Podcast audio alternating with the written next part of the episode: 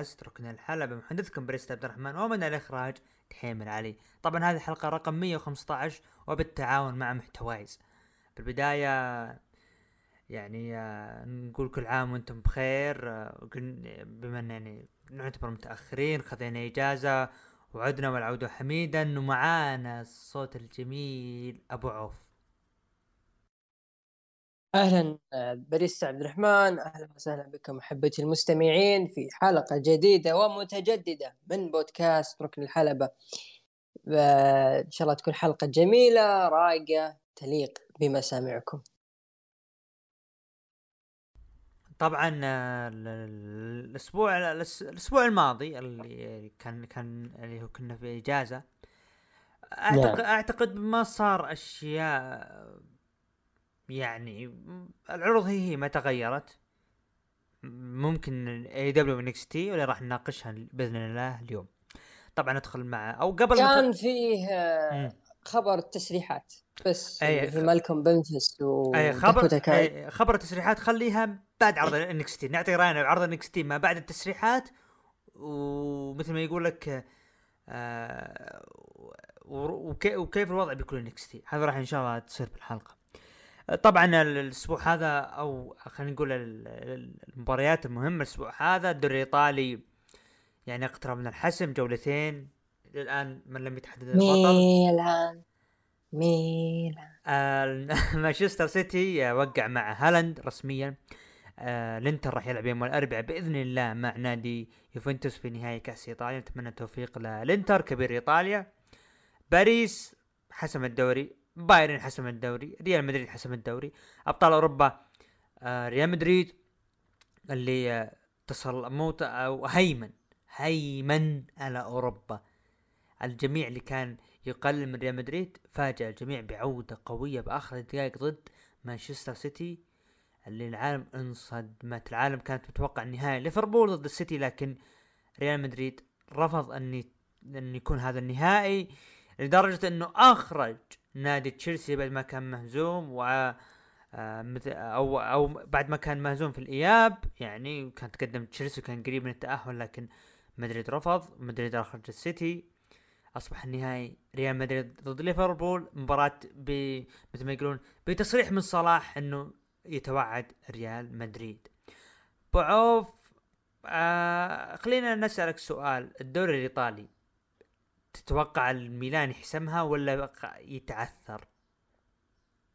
خصوصا ان خصوصا إنه مباريات ميلان المقبلة يعني مثل ما يقولون مباريات قوية يعني مو مثل الإنتر الإنتر راح يقابل كاليري يعني كاليري يحاول ينجو من الهبوط لكن آه، عندك ميلان لا راح يقابل أندية آه، لها أمل بالتأهل إلى الدوري المؤتمر الأوروبي أو آه، اللي هو كاس الاتحاد الأوروبي. يعني خلينا نقول ميلان بيقابل آه، أتلانتا.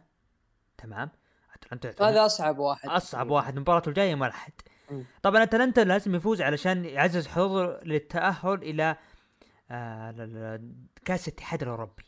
والمباراة الأخيرة مع ساسولو. ساسولو نادي خصم صعب في أرضه لكن خسارته ضد ميلان يعني ما راح آه، يعني مثل ما يقولون.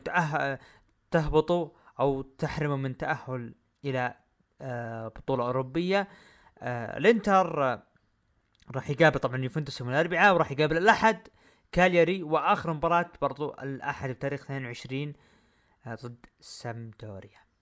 كيف تشوف بطل الدوري الدوري الإيطالي السنة هذه؟ والله شوف أول شيء تحية لمحبين الدوري الإيطالي. صراحة محسودين على الدوري هذا الموسم. الدوري هذا الموسم كان جدا مختلف. مو بس علشان إنه يبث في اليوتيوب مجانا لكن فعلا التنافس في الدوري الإيطالي كان شيق هذا الموسم.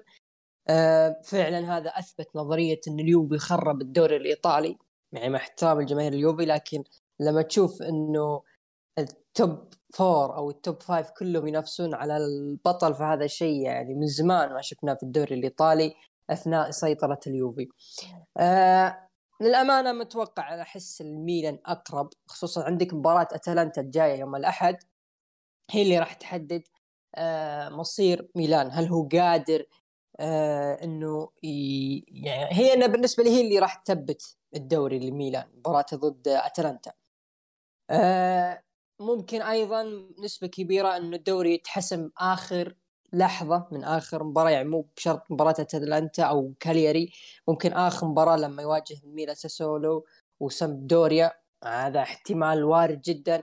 أنا شفت آه، ميلان ضد آه، فيرونا هيلاس كان الميلان زي ما تقول آه، يبغى قادر إنه يحسم المباراة لكنه ما قدر يحسمها أو مزاجيته ما خلته تحسم المباراة إلا في آخر دقيقة. فأنا عندي إحساس إنه ميلان راح يكون هذا وضعه المباراة الجاية ضد أتلانتا راح يهدي الوضع. آه راح يستخدم أسلحته في أوقات محددة منتصف الشوط الأول منتصف الشوط الثاني نهاية المباراة. علشان تقدر تقول يوازن بالقوة ويحافظ على عناصر من الانهيار النفسي. لأنه منافس كمين الإنتر جارك في المدينة فإذا خسرت له الدوري فزي ما تقول راح ينشب لك آه، جماهير الإنتر. ف أنا بيني وبينك عبد الرحمن واقف مع ميلان لأنه كنادي عريق من زمان عن عن المواجهات وعن صراع الصدارة. فأتمنى إنه يفوز كتغيير جو آه، الموسم الماضي خذاه الإنتر الموسم هذا ياخذ ميلان. فراح تعطي إضافة كبيرة للدوري الإيطالي راح نرجع الحماس ما عندي أي مشكلة بالعكس إذا فاز الإنتر بالعكس آه، الإنتر يعني من الفرق اللي شادة حيلها هذا الموسم. آه، آه، في دوري الأبطال أعتقد واجه ليفربول كان بامكانه إنه وقدام قدام ليفربول قدم مستوى. قدم مستوى ع... الإياب الإياب تقدمنا بالهدف الأول سانشيز انطرد بعد الهدف. طرد غبي بعد. الأشياء الخ... الانتر نفسها هي اللي خربت عليه. إنه ممكن يقدم شيء كبير في دوري الأبطال. فبالتوفيق للجميع. آه، أنا أعتقد إنه الدوري راح يتحسم آخر لحظة. ما أعتقد إنه الأحد ممكن يتحسم الدوري إلى آخر لحظة من وجهة نظري. دوري الأبطال آه، أنا أقول يعني عطني مو حظ الريال عطني واحد في المية. بس من حظ الريال وارمني في مثلث برمودا وبس. ليه ليه ليه؟ بالعكس لا تنسى بعد بالعكس بالعكس, بالعكس ترى آه مدريد يعني ممكن آه، لو نتكلم خلف الكواليس آه لو تلاحظ الإنتر الموسم الماضي عشان تتضح للمستمع الإنتر الموسم الماضي آه مو مثل الموسم هذا من ناحية قوة الفريق بغض النظر عن الأسماء أكبر دليل آه، اللي هو رحيل المدرب اللياقه الإنتر آه، فونتوس أتوقع كذا اسمه. وينه فونتوس هذا؟ مع الآن مع نادي آه، ريال مدريد اللي شوف كيف قاعد يجاري الأندية على آخر رمق وكيف اللياقة ماشيين فيها. فمدريد ممكن شوف آه غلطة الشاطر بعشرة. يعني بيب أخطأ خطأ كبير ضد ريال مدريد ويتحمل اللي يجيه مدريد ترى عاد يعني مثل آه بالخبرة مو بالحظ. هذا هذا هذا الواقع. يعني أنا ماني مدريدي لكن هذا اللي أمامنا بالخبرة. يعني تتكلم إنه من اللي من اللي رجعهم؟ بنزيما؟ رودريجو لا رودريجو؟ وين الخبرة معه؟ رودريجو لا أتكلم كفريق كامل. فأنا أنا أرى إنه مدريد إنه بصراحة يعني معلش محمد رولنز إن شاء الله شو اسمه مش... ريال مدريد ياخذ الأبطال بإذن الله. للحين مباراة الريال ضد الإنتر هنا غصه غصه غصة من الأشياء التفاصيل اللي صارت اللي قلبت الموازين. لكن آه، توقعاتك من راح يكون البطل؟ غير مكترث.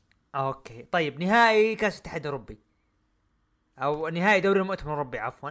آه، روما بدموع مورينيو إلى النهائي راح يقابل آه، في نورد آه، الهولندي. الهولندي. وإذا سواها مورينيو بيكون أول مدرب بالتاريخ يحقق ثلاث بطولات أوروبية. مين تتوقع؟ والله الأمال مع روما صراحة فريق آه، كبير مهم في الدوري الإيطالي. وزي ما قلت لك انتصار تحقيق اللقب.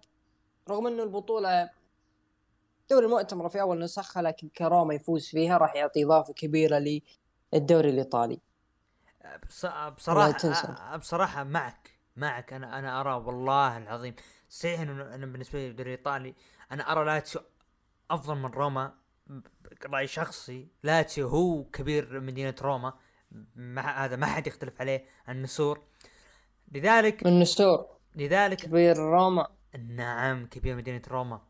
لذلك أنا أرى إنه لا حد يسمعك جمهور شجرة.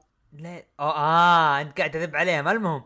لذلك أنا أرى إنه روما يفوز. أرى روما يفوز وهو قادر. بصراحة أول مرة أقف مع روما. طيب نهائي الظاهر الظاهر هذا أول نهائي لهم من 2010 هم لعبوا مع الإنتر كاس السوبر. أتوقع إيه. مم. لا مو كاس إيطاليا أتوقع بعد. وهو تدري نافس الانتر بالدوري 2010 للحين غص إيه. غصة. إيه. مين مين اللي حرمهم من الدوري 2010 لاتسيو لا مو لاتسيو اي لا غير لاتسيو جنباولو باتزيني اللي مع سمدوريا واللي انتقل إلى نادي الإنتر. الموسم اللي بعده كشكر من الإنتر له. آه. آه ما ط- شاء الله. طيب نهائي كأس الاتحاد الأوروبي. آه الدوري فرانكفورت الأوروبي. جلا... آه، جلاسكو رينجرز فرانكفورت وجلاسكو أوه مباراة حلوة مباراة حلوة. آه فرانكفورت طبعا زي ما أنت عارف يعني طلع برشلونة من النهائي. آه جلاسكو ولو إنه جيرارد مو معهم يعني لو إنه كمل النهائي راح يكون له إضافة كبيرة وبصيص أمل انه الناس تلتفت لجيرارد.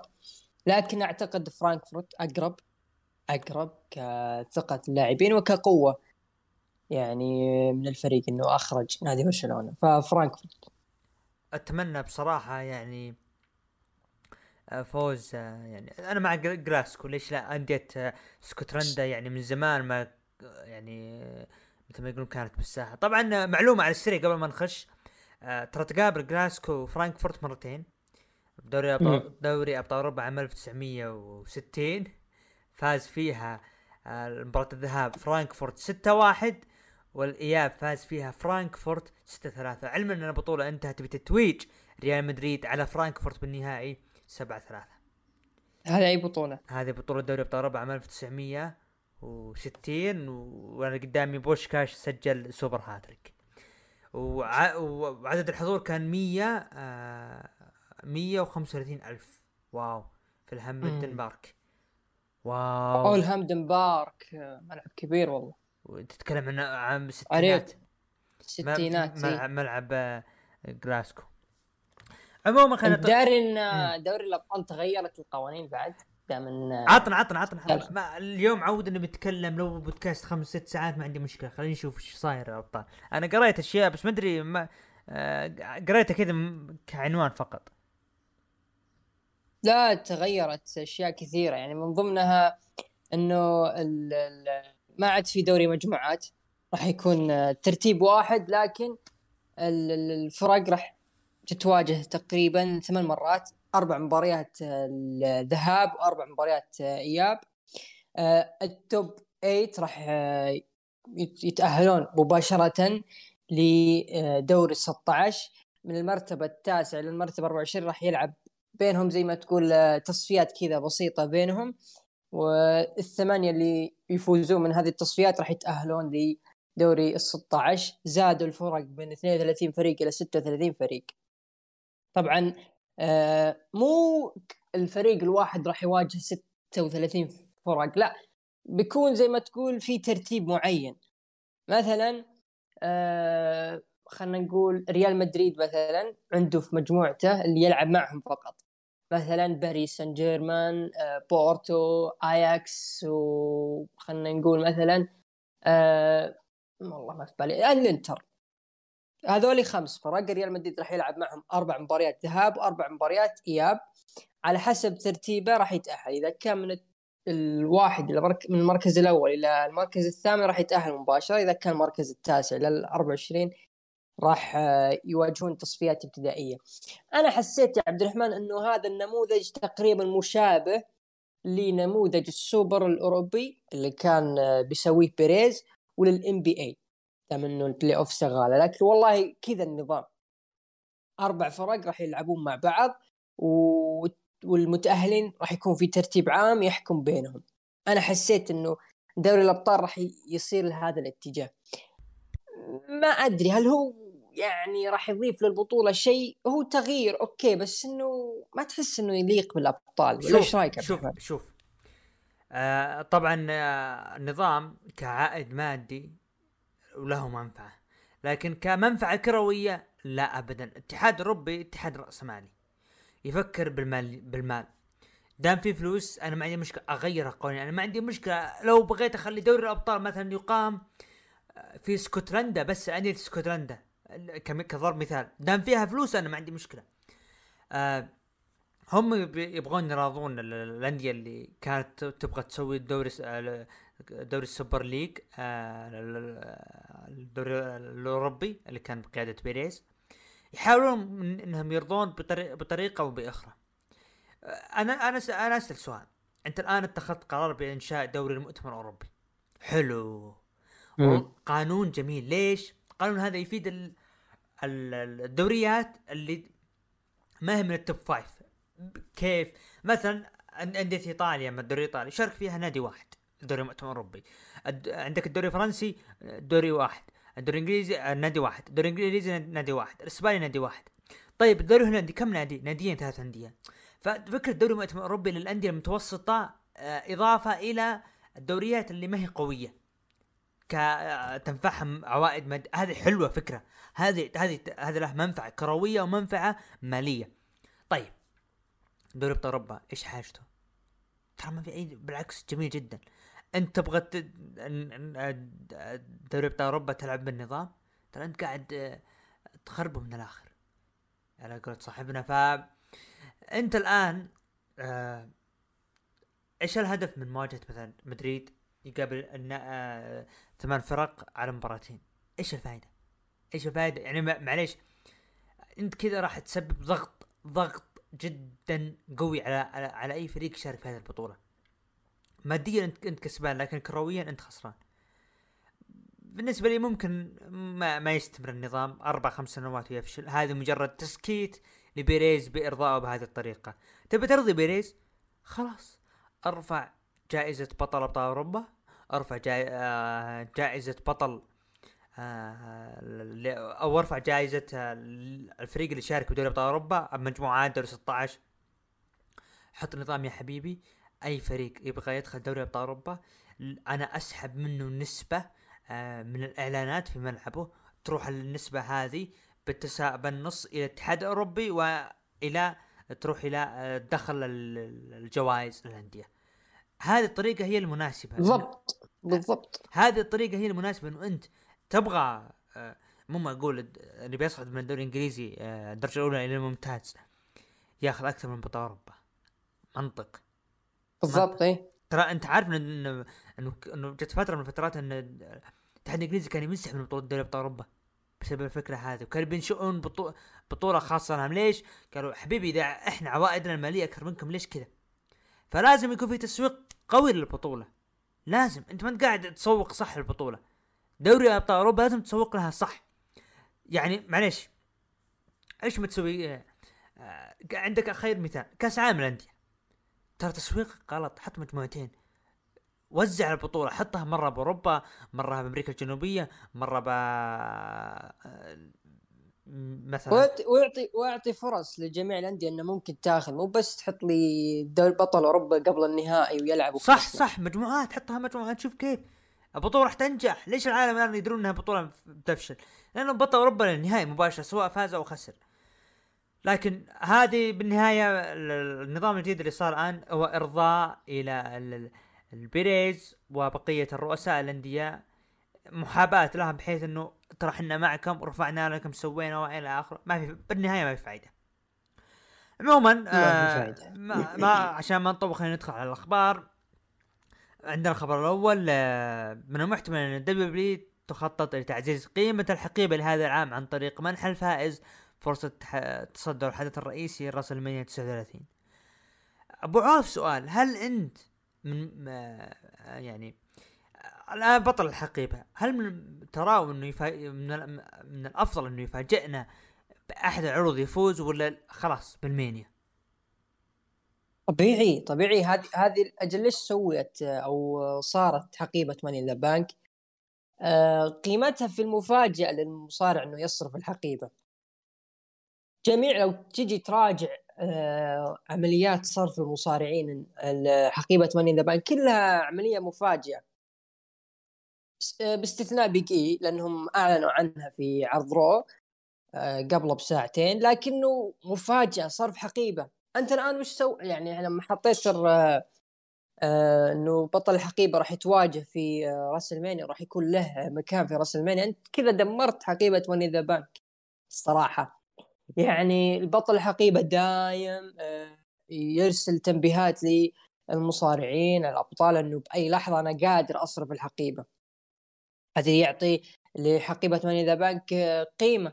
لكن لما تحط يعني مثلا يهود ياخذ الحقيبة شهر جون وبيقعد يستنى تقريبا كم خمس شهور على بال ما يجي أبريل وياخذ فرصته حرام.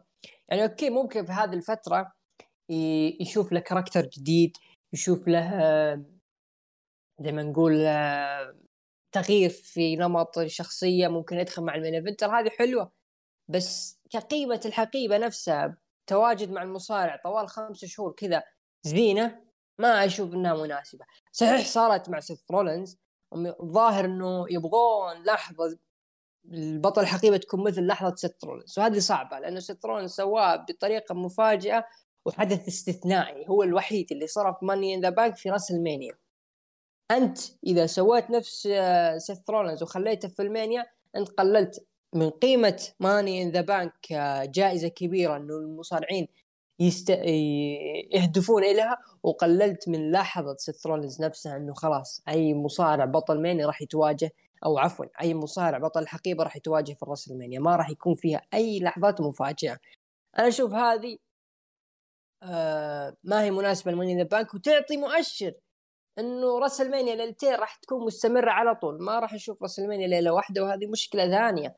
راح نطيح فيها. يعني إن الحين شفنا ثلاث نسخ من راس المانيا باستثناء خلينا خلينا نستثني أول نسخة.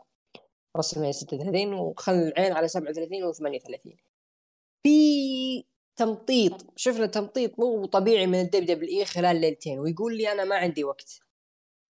يعني هل بتقعد تستمر راس المانيا خلينا نقول عشر سنوات كليلتين والأبطال شبه ما مفضوحين من خمس شهور؟ ديمي الدبليو دبليو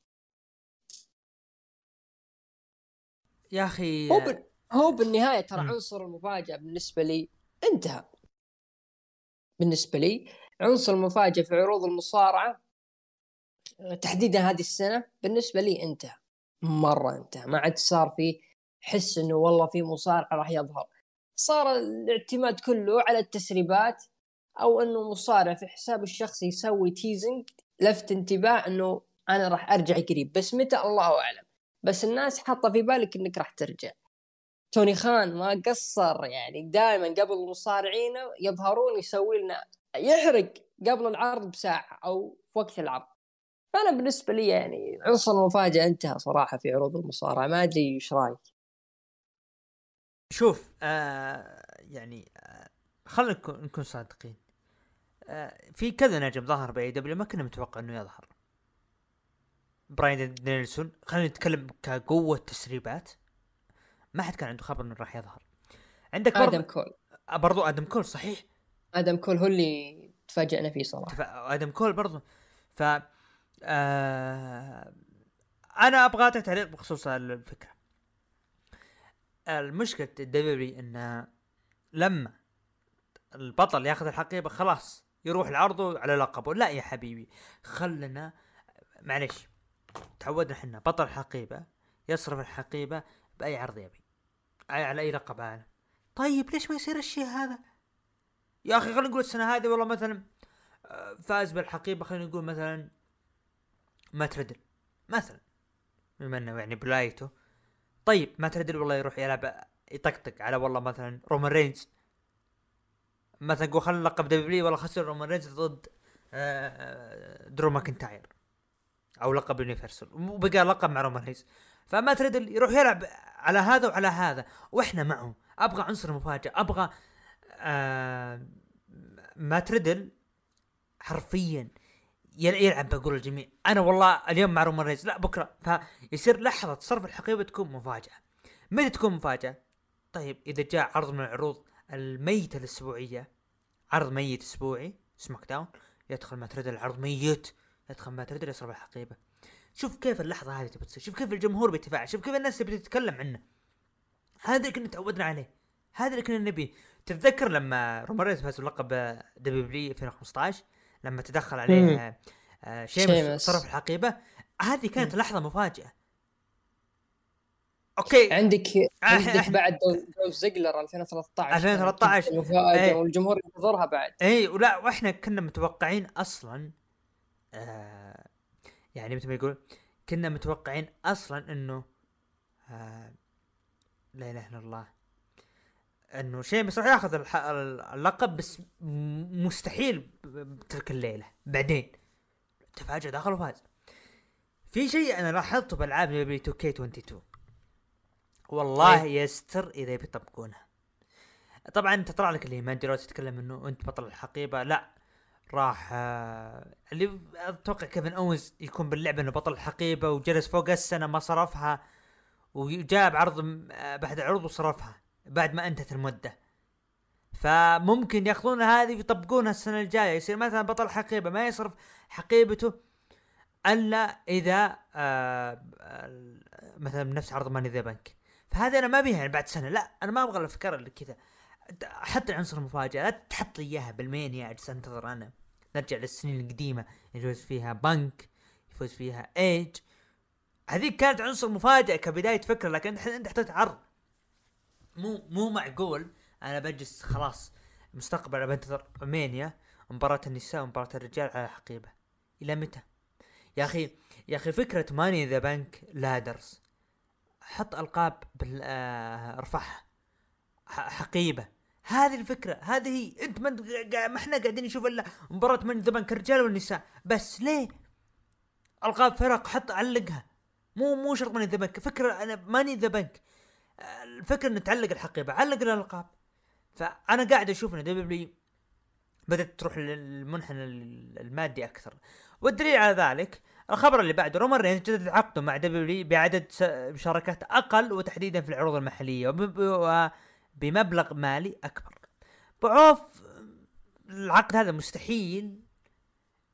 يعني مثل ما يقول من WWE يصير. لا لا صار صار.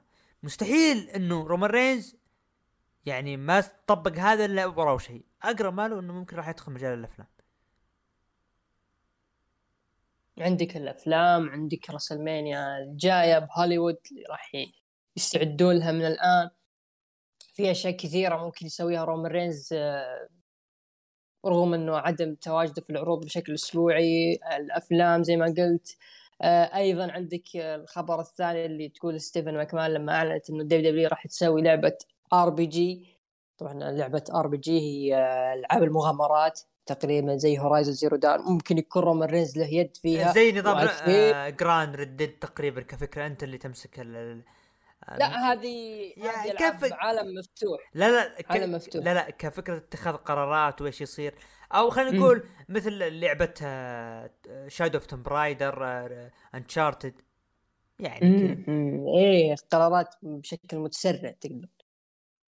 فواضح إنه هذه الأشياء المشاريع المختلفة اللي راح تسويها WWE وراها رومان رينز فأنت لو تجي تشوف يعني Rock Young اللي بطل ذا روك يتكلم عن مسيرته.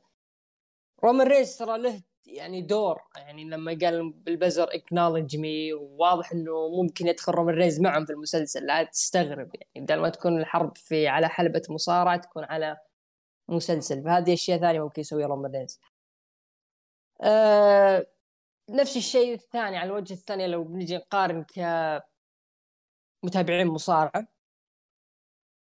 آه هذه حركة من WWE إن الناس تشتاق لرومان رينز. الناس تطالب بعودة رومان رينز. إحنا أكيد فيه آه، زي ما تقول آه، أمل إنه بعد ما يروح رومان رينز في مصارعين راح ياخذون فرصتهم. عندك سيث رولينز درو ماكينتاير مات ريدل إلى آخر من المصارعين. لكن أنا عندي إحساس إنه هذول ما راح يقدمون مسيرة كبيرة. WWE ما راح تعتني فيهم ولا راح تهتم فيهم علشان الناس تقول يا ليت رومان رينز يرجع. يا ليت بروك ليسنر يرجع. فتعيد الدائرة من جديد ويغثونا فيهم وما يقدمون شيء يذكر وبالعكس يقدمون أسوأ فترة ونقول يا ليتهم رجعوا أنا أحس كذا. فكرة WWE لو تجي ترجع شوي لعام 2019 اي 2019 إلى تقريبا إلى إلى Money in the Bank الفترة هذه غاب فيها رومان رينز بسبب مرض السرطان. وسيث رولينز ما قدم ذيك الفترة الكويسة والمتأمل منها كبطل Universal. صحيح إنه لعب ضد AJ ستايلز لكن ما كانت الفترة اللي إحنا نبغاه سيث رولينز يكون بهذا المستوى. فلما عاد رومان رينز عاد بشكل أقوى الناس صارت آه، تهتم له وصارت تقول أخيرا رجعت وعداوته مع بارين كوربن. الناس وقفت مع رومان رينز من متى الناس توقف مع رومان رينز؟ وعندك ال Head of Tribal Chief ال Head of the Table في صارت الناس مع إنه رومان رينز تطور. صار رومان رينز اللي الجمهور يبغاه صحيح إنه ديور الحين لمستوى سيء جدا. لكنه هذا اللي تبغاه WWE أحس لما خلت آه، عروض في المحلية جدول أقل. خلته part timer لكن في عزة إنه الناس تتلهف بشكل أكبر لرومان رينز كعروض مصارعة. وانه رومان رينز يكون هو وجه الشركة ويكون أحد آه، سفراء الشركة في أعمال ومشاريع آه، خارج عالم ال WWE جميل جدا. آه، هذا بما يخص أخبار هذا الأسبوع. ندخل في SmackDown العرض اقيم في لونج آيلاند نيويورك. مدينة MJF مدينة زاك رايدر.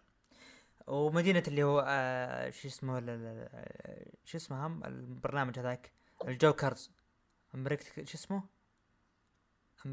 اسمه؟ عجزت أنطق اسمه. ال Jokers الاربعة هذول إيه Impractical Express لا لا لا لا حقين المقالب. اي ماني مالي فيهم والله. آه Impractical Jokers نعم هذا طلع اسمه قدامي. آه طبعا آه، مباراة شارلوت فلير ضد آه عالية وعالية لكن شارلوت مسكت المايك جلست تذب على الجمهور تبرر لماذا خسرت تحدي استسلام وراح تجبر راندا راوزي على قول I quit قبل بداية المباراة شارلوت ضربت عالية وجلدتها ودخلت راندا راوزي وطبعا انتهت المباراة بانتصارها مباراة لا تكنسلت المباراة. أو تكنسلت. العداوة هذه يعني تصدق اني جلست فترة ماني مهتم فيها. بعد ما انتهى اللي بينهم خلاص وقفت. مباراة ساشا بانكس وضد شينا بيزلر فازت فيها شينا بيزلر بمساعدة نتاليا. وصار حرش خفيف بينهم. نتاليا ما شاء الله جوكرز بكل مكان بكل مكان ما شاء الله. انكس تي هنا. آه بعدها فيديو باكج آه اللي صار بين البلود لاين واركي برو ودرو ماكنتاير الوسو صرحوا انتهى وقت الكلام والفكرة هي جلدهم وإثبات إنهم الأول. وراند رد عليهم بان كل كلامهم هراء. طبعا آه، أبو عوف آه هو الوحيد اللي آه يعني لا أنا ولد حمل علي. انتبهنا إنه ولد شي مكمان كان بالحضور. وش غلنا شوفوا شوفوا. أنا قلت يا أخي العرض ميت. قال لا لازم تشوفه. ف آه، سؤال أبو عوف. خلي الآن آه أو خليها النهاية الموضوع يخص ال RK-Bro. ترى روج له ولا شين مكمان لو تلاحظ في بعض فقرات ترى روجوا لدوري الجامعات آه، الكرة الأمريكية. يو إس يو إس إف إل. okay مشروع جديد. okay راح راح أخلي السؤال بنهاية العرض لأنه بتكلم عن أشياء كنا في فترة غياب وصارت أشياء. فقره هابي آه كوربن أو Happy Talk. ما بدا بارن كوربن يتكلم إلا قاطع ماد كاب موس بدأ يذب عليه بأكثر من نقطه رد كوربن إنه أنت خلف الكواليس تقدر تتكلم اللي تبي ولكن ما تقدر تقول عندي. قال موس أنت اللي جنيت على نفسك. طبعا دخل ماد كاب وقال انت ترى مرات شخصيات كثيرة ومرة جاية بتكون الممتع أو الذيب الأصلع. وطلع هابي كوربن آه تدري يوم قال له آه lone wolf؟ وشفت أنا تعبير آه، آه، بارين كوربن تدري حسيت إنه شخصية. لا لا يعني شفت تعبير وجه هابي كوربن على الذبة اللي قالها ماد كاب موس حسيت هابي آه، بارين كوربن كذا جته غصة إنه مو أنا اللي ما بالشخصية هم اللي ما يبونه. ف هل خلاص هابي كوربن راح يستمر طول عمره كذا ولا ممكن نشوف فيه نسبة أمل بعودته لشخصية أخرى وقوية والله زي ما تقول بيرين كوربن صار آه راعي الشخصيات فهمت؟ يعني أي شخصية يقدمها ال W راح يكون لهابي كوربن زي ما قال يعني ماد كاب موس بيرين كوربن آه، الشرطي المفلس المدير المدير العرض أنا ما أدري هل هو قال المدير ولا لا. وصولا لهابي كوربن. فواضح إنه بيرين كوربن راح يدخل على بيكون كذا character أي شخصية بيقدمها راح تتغير ملامحه راح تتغير آه، ال music راح يتغير أسلوب آه، بيرين كوربن حتى على الحلبة. لكن كبرومو صراحة ماد كاب. أبدع صراحة في البرومو هذا. هنا فعلا ماد كاب طلع ماد كاب موس المكروه المستفز صراحة. استفز بيرين كوربن لدرجة انه بيرين كوربن تغيرت ملامح وجهه وطلع.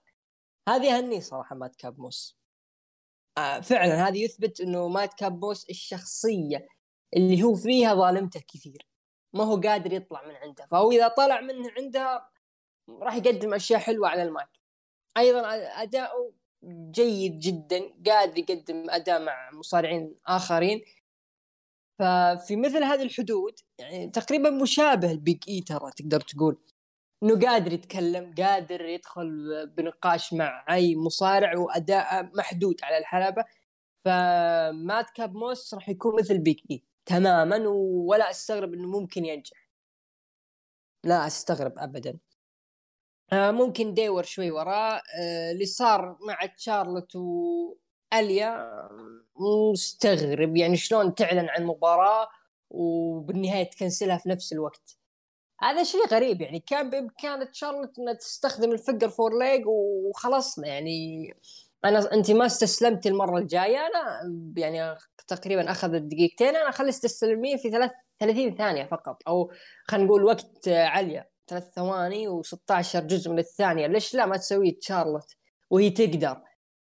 فاستغربت يعني. دبليو دبليو ما أدري ليه يعني. كبداية الافتتاح هذه تضر كثير بالعرض رغم إنه صحيح فئة نساء لكن ما يصير على فئة النساء راح يصير على فئة الرجال. إذا أنت بيكون كذا أسلوبك في العرض فغريب جدا. لابد تحل هذا الموضوع. إذا مباراة خلها مباراة.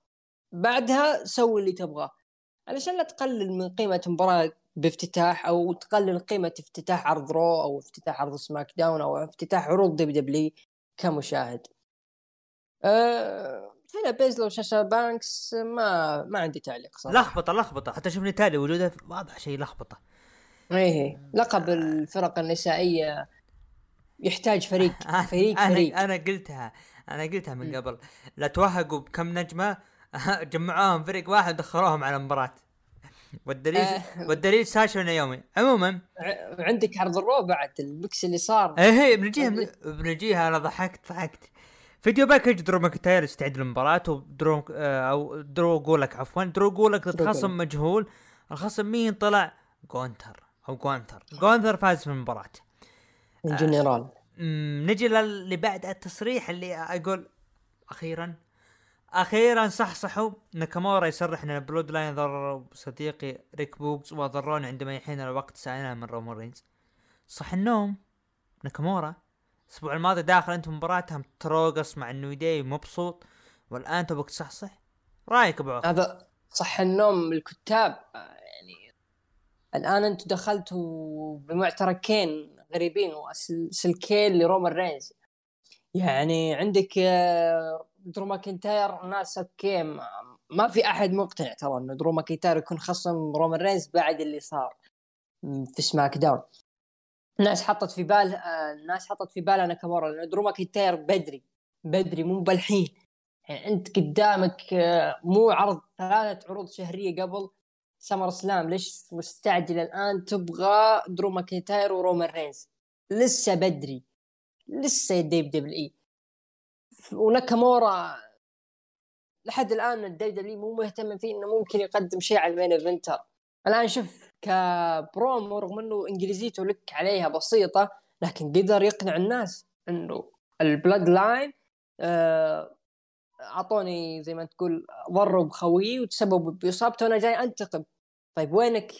وينك في هذا الكلام عنك في البرومو لما واجهت رومان رينز قاعد تعطيه نظرات ولمحات. وانتهينا؟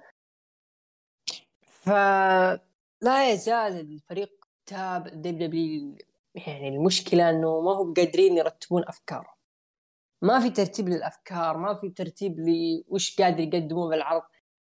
أنا ضربت مثال لعبة Wrestling Revolution تقريبا زي كذا. ما ما تهتم بالقصة ما تهتم أبد. كل اللي تهتم اللي تهتم فيه اللعبة العرض نفسه. فأنا حسيت خلاص عروض WW أو خلينا نقول عروض مصارعة ككل بعد ما شفت مع عرض Backlash حسيت إنه خلاص إحنا راح نبني للعرض نفسه ما راح نبني لقصه معينة آه، خطوط درامية في شيء معين لا للعرض نفسه. فأنا حسيت كذا حسيت إنه خلاص SmackDown هذا ما ما راح يكون في توصيل لل SmackDown اللي بعده إلا مثلا مباراة أو بروم لكن اشياء درامية ثانية ما أعتقد راح يكون في شيء مستقبلا إنه العروض الشه... العروض الاسبوعيه تكون مربوطة بقصة معينة لين ما نوصل للعرض الشهري. لا. الآن كل عرض له حال كل عرض له شيء أو خلينا نقول قسمه خاصة فيه عن بقية العروض. وهذا اللي أنا حسيته صراحة. ما أدري هل تتفق معي في هذه الكلمة ولا لا لكن أنا لما جيت الحين كم لنا من 2022 خمس شهور خمس شهور أعطتني انطباع إنه خ... خ... فعلا. ال WW ما هي عايشة على خطط هي عايشة على إيش نسوي الحين. إيش. آه، إيش نسوي العرض الأسبوع الجاي؟ خلاص أو عرض هذا الأسبوع وخلصنا. يجي مثلا يوم. أعتقد الخميس عندهم إجازة يلا نخطط للأسبوع هذا. طيب وش صار هذا الأسبوع اللي اللي فات؟ مات ما لنا علاقة فيه. أهم شيء الأسبوع الجاي إيش ممكن نسوي؟ صحيح صحيح أتفق معك. وخصوصا اللي يثبت صحة كلامك آه، مباراة ألقاب اللي صارت التوحيد الألقاب بعدين كنسلوها. أضف إلى إيه. أضف إلى ذلك يا أخي ناكامورا يعني منطقي الكتاب. هو تصرح وتكلم انه إنه هم يضرب خويه طيب يوم تطلع ضد رومان رينز المفروض داخل تعطي نظر رومان رينز بعدين تهجم على الأوسوس بعدين هم يجردونك بعدين تغيب. هنا أنا بتقبل ليش لما تطلع تتكلم بعرض SmackDown مثل برومو هذا وتقول والله هم يضروني عشان كذا أنا هجمت عليهم وبنتقم. هنا نقول أوكي. هنا نقول تمام أنت ماشي صح. كلامك منطقي. يا عزيزي مباراة lumberjack درو داخل يرقص. جنب داخل جنبهم. داخل يرقص تخيل داخل يرقص مع ال New Day داخل يرقص ما كأنه في شيء. هذا اللي ضحكني. يا أخي ادخل. يا أخي أقل شيء أقل شيء. أقل شيء. ادخل خرب. دخلوا ال Usos راح اهجم على ال Usos مو مشكلة أهجم. طيب وش اللي يعني معلش بدل ما حاط لي درو ماكنتاير ولا يا جماعة حطت ناكامورا ضد آه، ناكامورا و ال RK-Bro ضد ال Bloodline ويخسرون الفريق آه، ناكامورا. بس اللي يثبت ما ترد مو ناكامورا. بتكون منطقية لأنه ناكامورا بيطلع بعدها ب SmackDown يقول رومان رينز يا حبيبي أنا طالب مباراة إعادة. أنت ما ثبتني. فيلعبون عرض شهري ضدنا. وكذا نفتك من موضوع درو ماكنتاير ونبتعد خير شر. ليش؟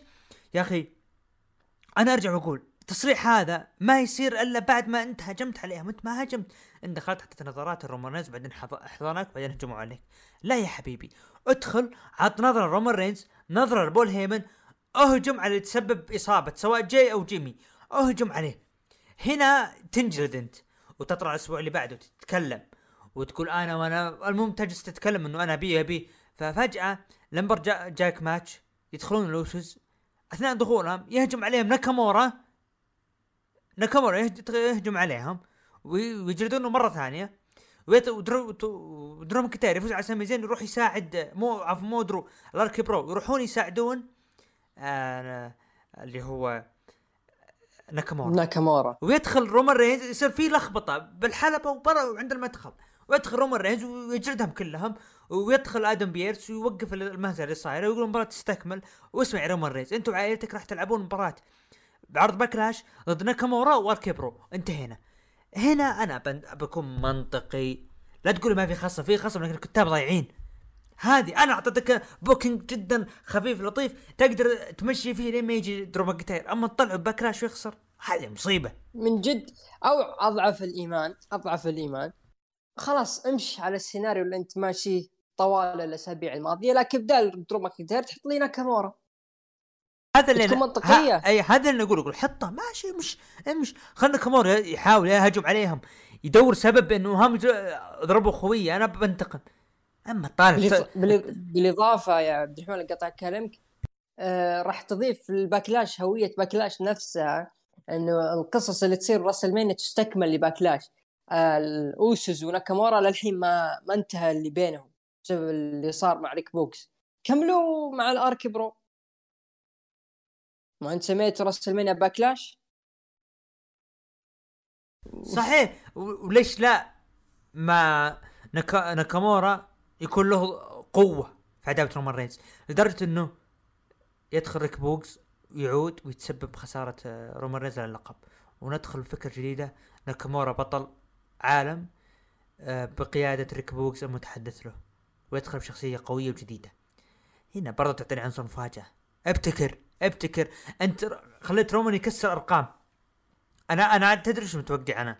متوقع رومان راح يخسر لقب Universal لكن بيستمر مع بلقب ال WWE لين يك لين ما يكسر آه الرقم كأطول من حمل اللقب. آه هم عندهم الفكرة هذه يبغون رومان رينز.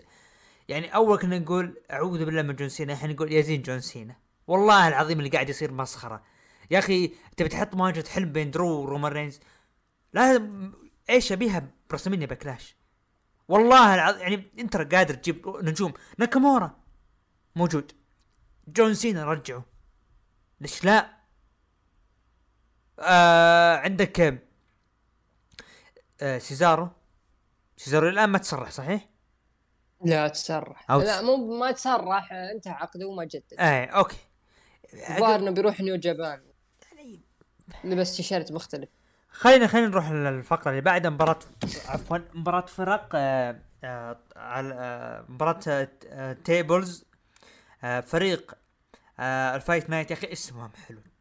ضد ال New Day. طبعا اثناء المباراة عاد بعد غياب فترة اللي كان الم- ال- الأول مفقود آه اللي هو بوتش وساعد بوتش. وساعد ال Fight Night وفازوا على ال New Day. بول بطل بطل جولة ال WWE في أوروبا بوتش كان.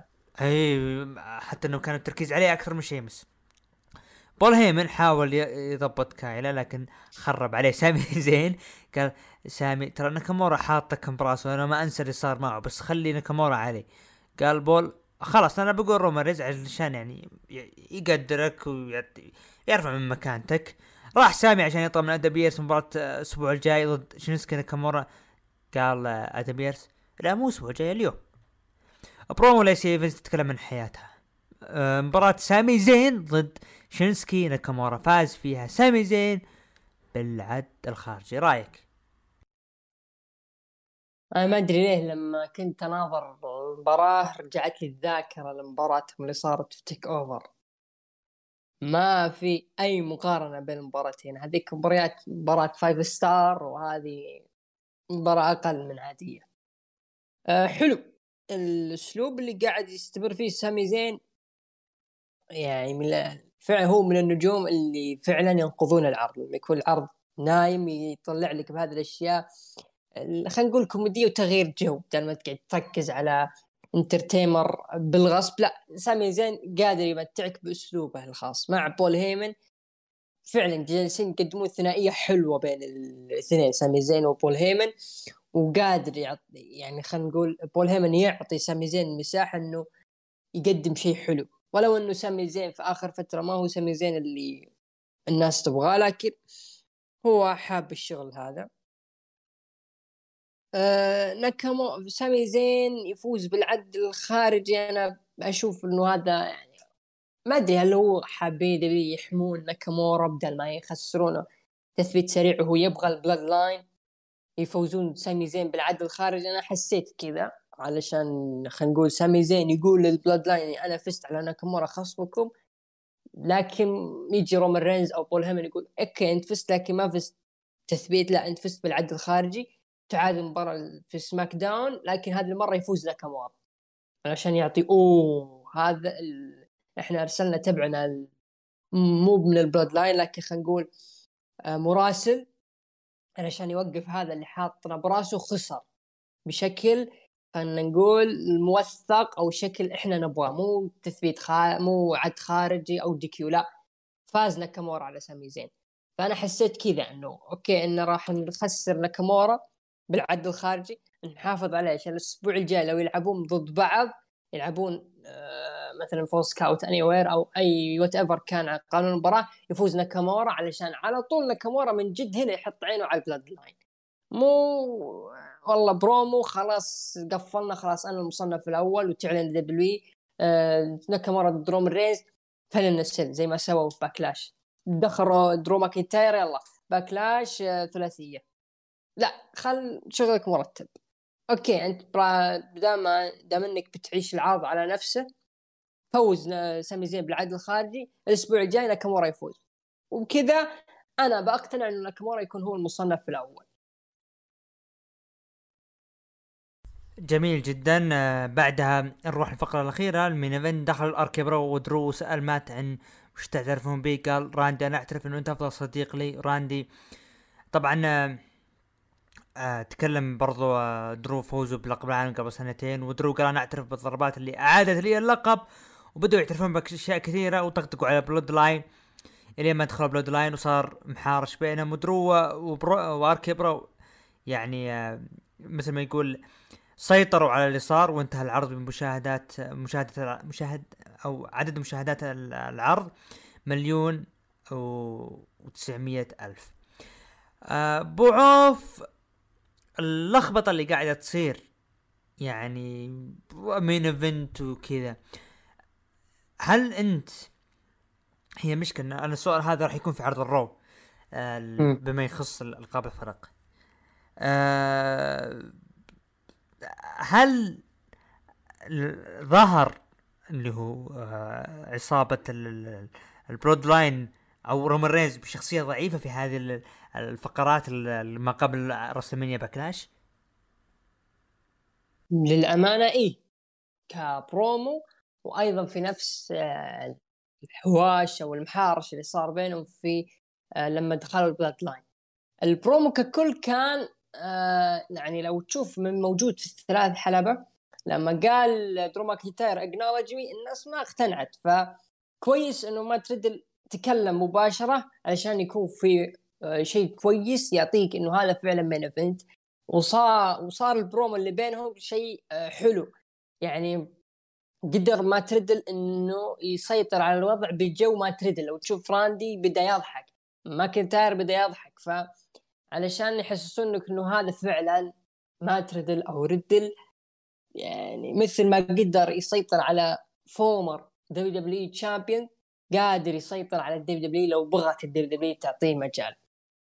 رومان رينز نعم يعني خلال أسبوعين هو آخر من ينجلد في ال Bloodline يعني.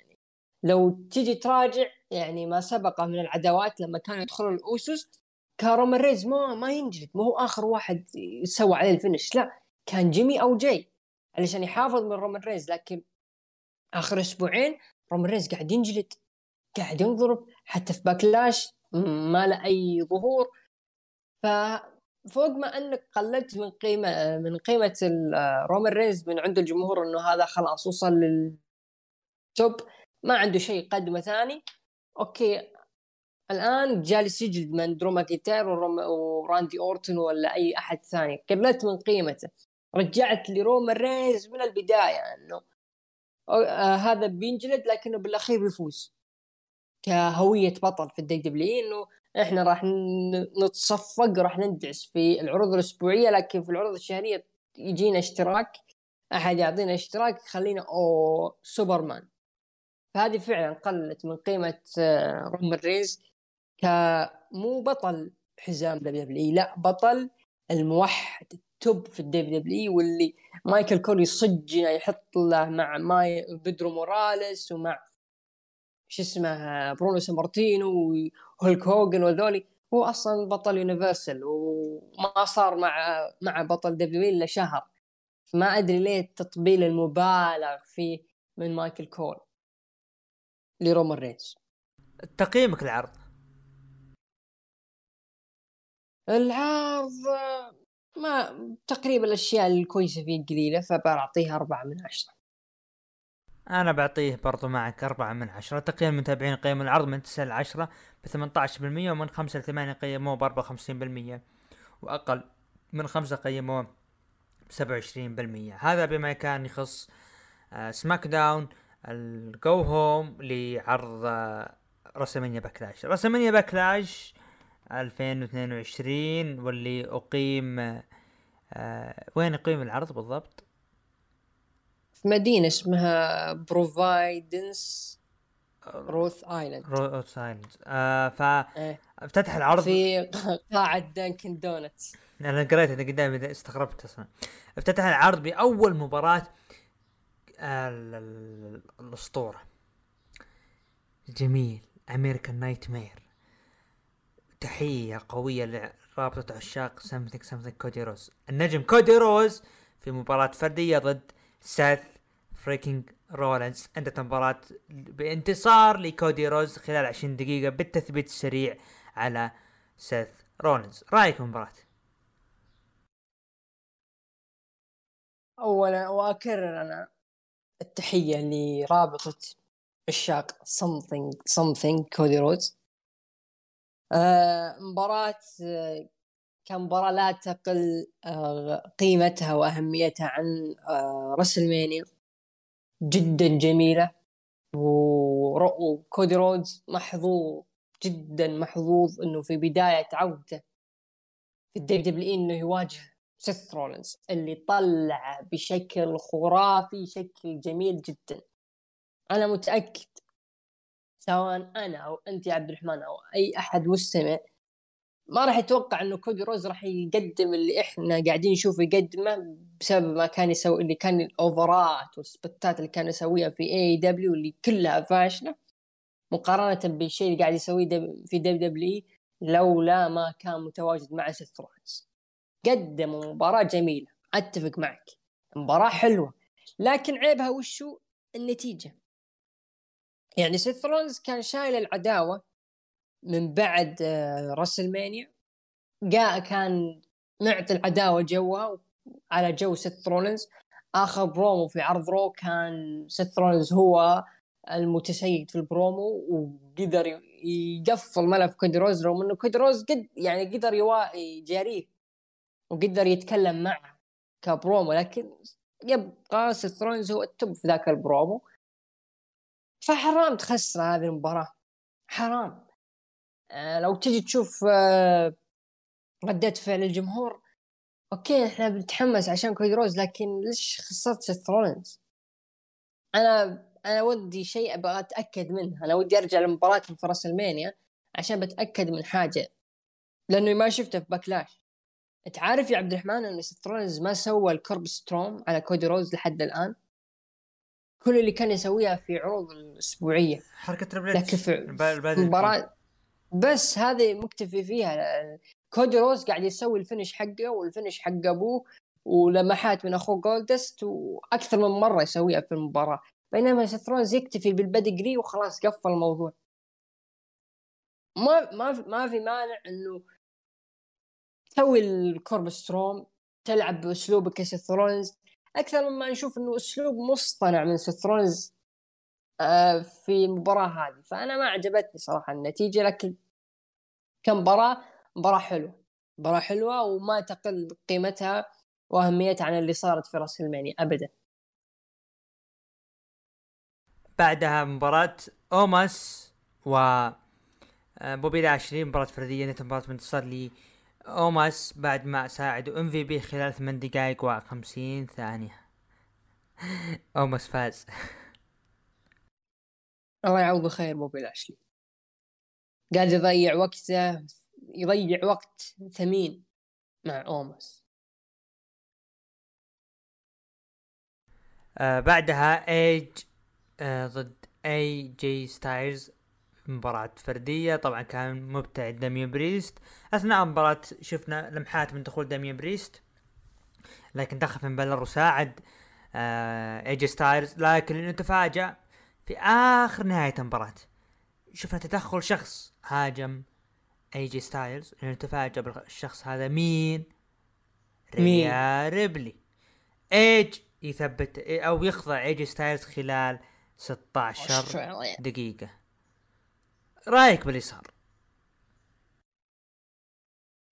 آه المباراة نفس آه، كودي رودز وسيث رولينز تقريبا نفس مستوى مباراتهم في الراسلمانيا ولو إنه ايدج أنا أشوف إنه كان في هذه المباراة أفضل من اللي كانت في راسلمانيا كأداء. أه السيناريو حقي ممكن اتقبله لكن مو عنوان المباراة إنه دايمين بريست محظور من التواجد في خلينا نقول جوانب الحلبة أو حتى في داخل الحلبة. طيب هو دخل بالحلبة وصار بينه وبين فين بالر آه، جلد ومجالد لين ما طلع لين ما طلعوا اثنين ودخلت ريا ريبلي. مو هذا المفروض يحسب فوز لاي جي ستايلز من خلال قانون المباراة؟ يعني أنت كان صحيح صحيح مباراة مباراة فردية. بالضبط مو شرط إنها مباراة فردية كثر ما قانون المباراة نفسه أو شرط المباراة إنه داميان بريست ما يكون حوالين الحلبة ولا حتى داخلها. ما يكون على الحلبة ابدا. فانا هنا استغربت. حسيت إنه فعلا هذه ما ركزوا فيها ال WWE حطوا قانون لكن ما ركزوا إنه داميان بريست محظور تماما إنه يدخل في الحلبة. لأنه إذا دخل كأنه DQ آه اي جي ستايلز اللي يفوز. فمثلا لو داميان بريست مثلا دخل هنا ممكن فين بالور يجي من وراه ويصير بينهم حارش خلينا نقول في آه، بداية منصه بداية منصة ال WWE أو المدخل. هنا ممكن تدخل ريا ريبلي علشان الناس راح تكون مركزة هناك. مو مركزة على الحلبة وخلاص ريا ريبلي انكشفت أو الشخص المجهول انكشف. هذا اللي بس ما عجبني. إضافة إلى هذا فوز ايدج بالإخضاع أو خلينا نقول بحركة إخضاعية واي جي ستايلز ما استسلم ما استسلم. آه هذه قللت أنا أشوف من قيمة ال spear. يعني كان مقدور ايدج يفوز بال spear وانتهينا كون انها هي finish لكن ممكن هم حابين إنهم ينوعون إنه ايدج فاز بال spear في راسلمانيا في باكلاش راسلمانيا أو راسلمانيا باكلاش يفوز بالأخضاع اللي هي كحركة ثانية لإيدج أه، بس هذا الشيء البسيط اللي ما عجبني إنه دايما بريس المفروض ما يتواجد أه، حوالين الحلبة أو داخل الحلبة والمفروض يعني يوم إنه تواجه المباراة تنتهي بناء على شرط المباراة ويفوز اي جي ستايلز وممكن هنا تدخل ريا ريبلي وتهاجم. هنا أنا بكون مقتنع أكثر من اللي صار إنه ايدج هو اللي يفوز في المباراة. بعدها شفنا مباراة راندا راوزي ضد شارلوت فلير حاملة اللقب نساء. سماك داون شارلوت فلير ضد المتحدية راندا راوزي في مباراة I Quit وأنا أستسلم. مباراة مدتها كانت 16 دقيقة آه. انتهت المباراة بانتصار وبطل جديد راندا راوزي تهزم شارلوت فلير وشارلوت تخضع أو أو تستسلم. نشوف بطل جديدة وهي راندا راوزي قبل ما أخذ رأيك المباراة هذه بصراحة تمنيت. أنا أنا إلى الآن قاعد أنتظر بيلي بيلي بيلي. خلاص يا ناس خلاص نبي بيلي. يا ناس نبي بيلي لمتى؟ البنت جاهزة. بيلي هي راح تشيل سماك داون. هي اللي ترفع سماك داون. لكن ما ظهرت. رأيك بالمباراة مباراة حلوة. رائعة جدا. طلعوا الثنتين بشكل قوي. تبادلوا الشراسة طوال المباراة. آه شفت ال spot حق آه راندا راوزي النينجا. فأنا استغربت يعني عندك زيا لي ليش ما تعطيه مثل هذا ال spot لكن مو مشكلة لكن كمباراة ككل مباراة حلوة. أبدعوا الثنتين عوضونا عن البناء التعيس طوال عداوتهم مباراة جميلة جدا.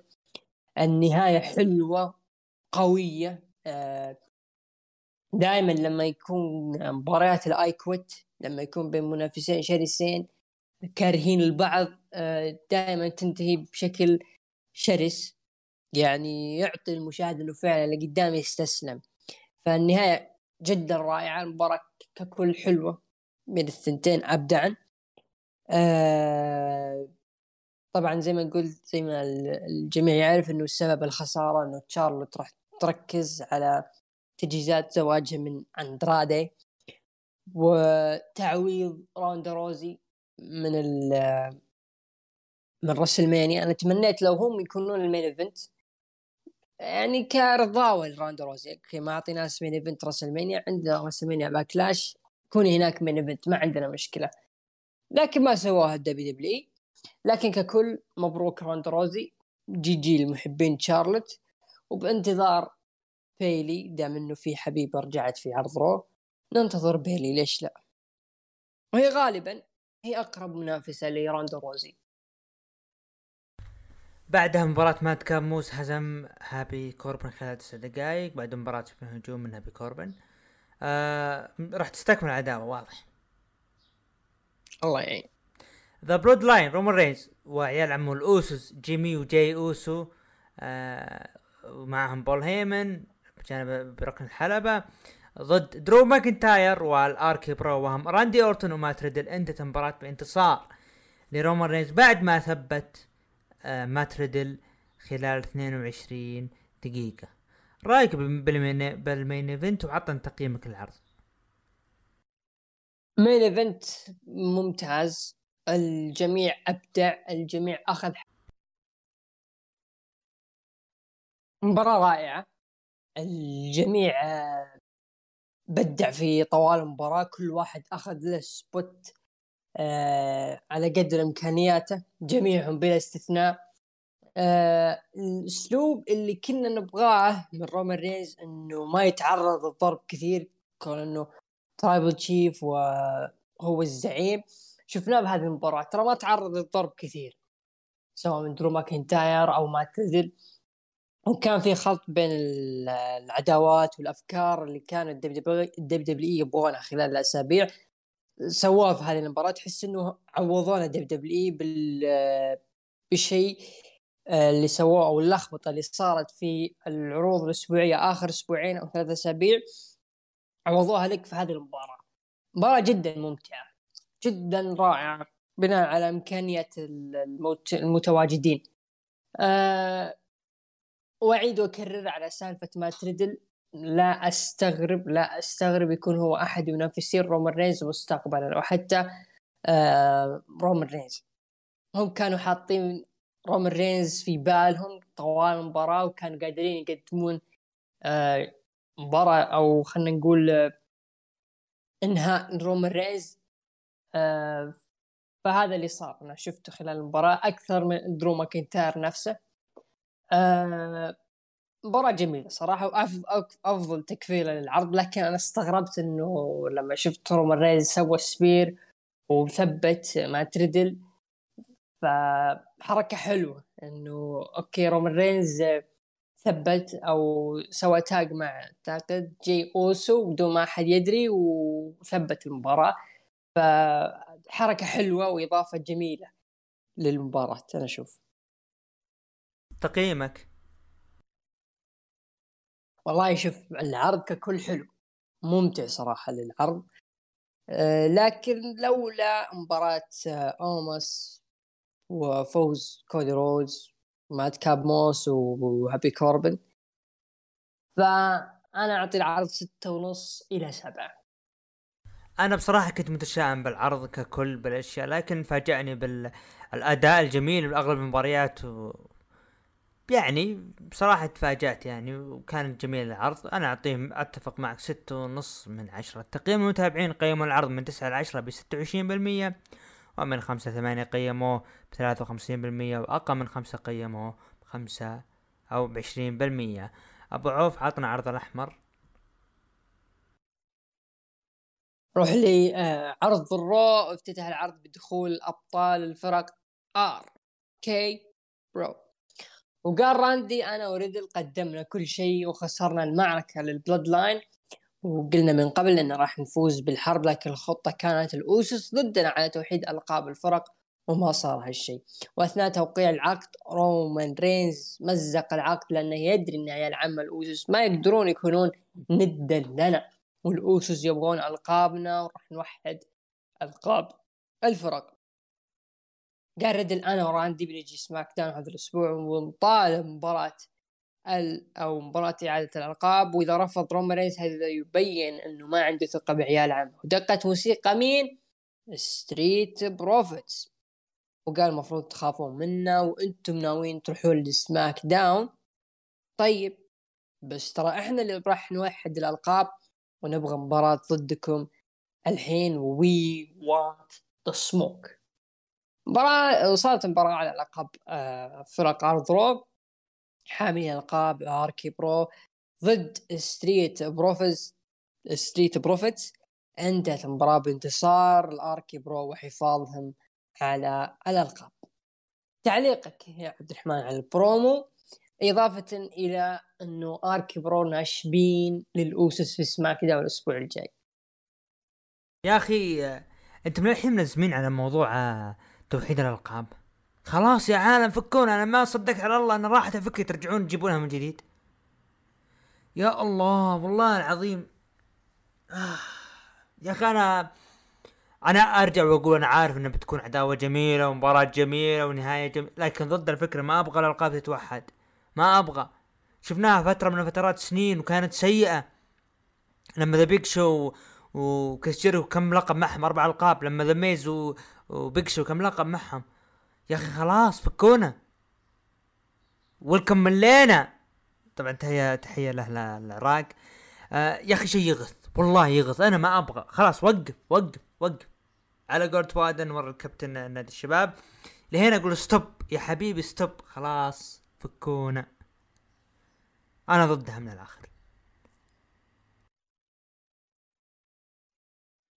رأيك بمباراة Street Profits وال RK-Bro؟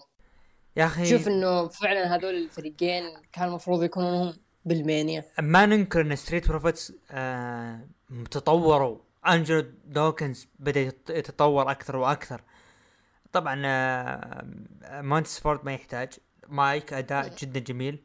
ف أنا بالنسبة لي أرى إنه هذا هو اللي آه مثل ما يقول هذا هو الشيء اللي طور Street Profits إلى الآن وممكن يوما ما نشوفهم أبطال. الله الله الله على ال RK-Bro ال RKO اللي سواه ريدل والله كانت جميله. بعدها شفنا دخول عصابة Judgment Day عصابة ايج وشفنا ايج ما شاء الله حلق مغير ال gear تماما.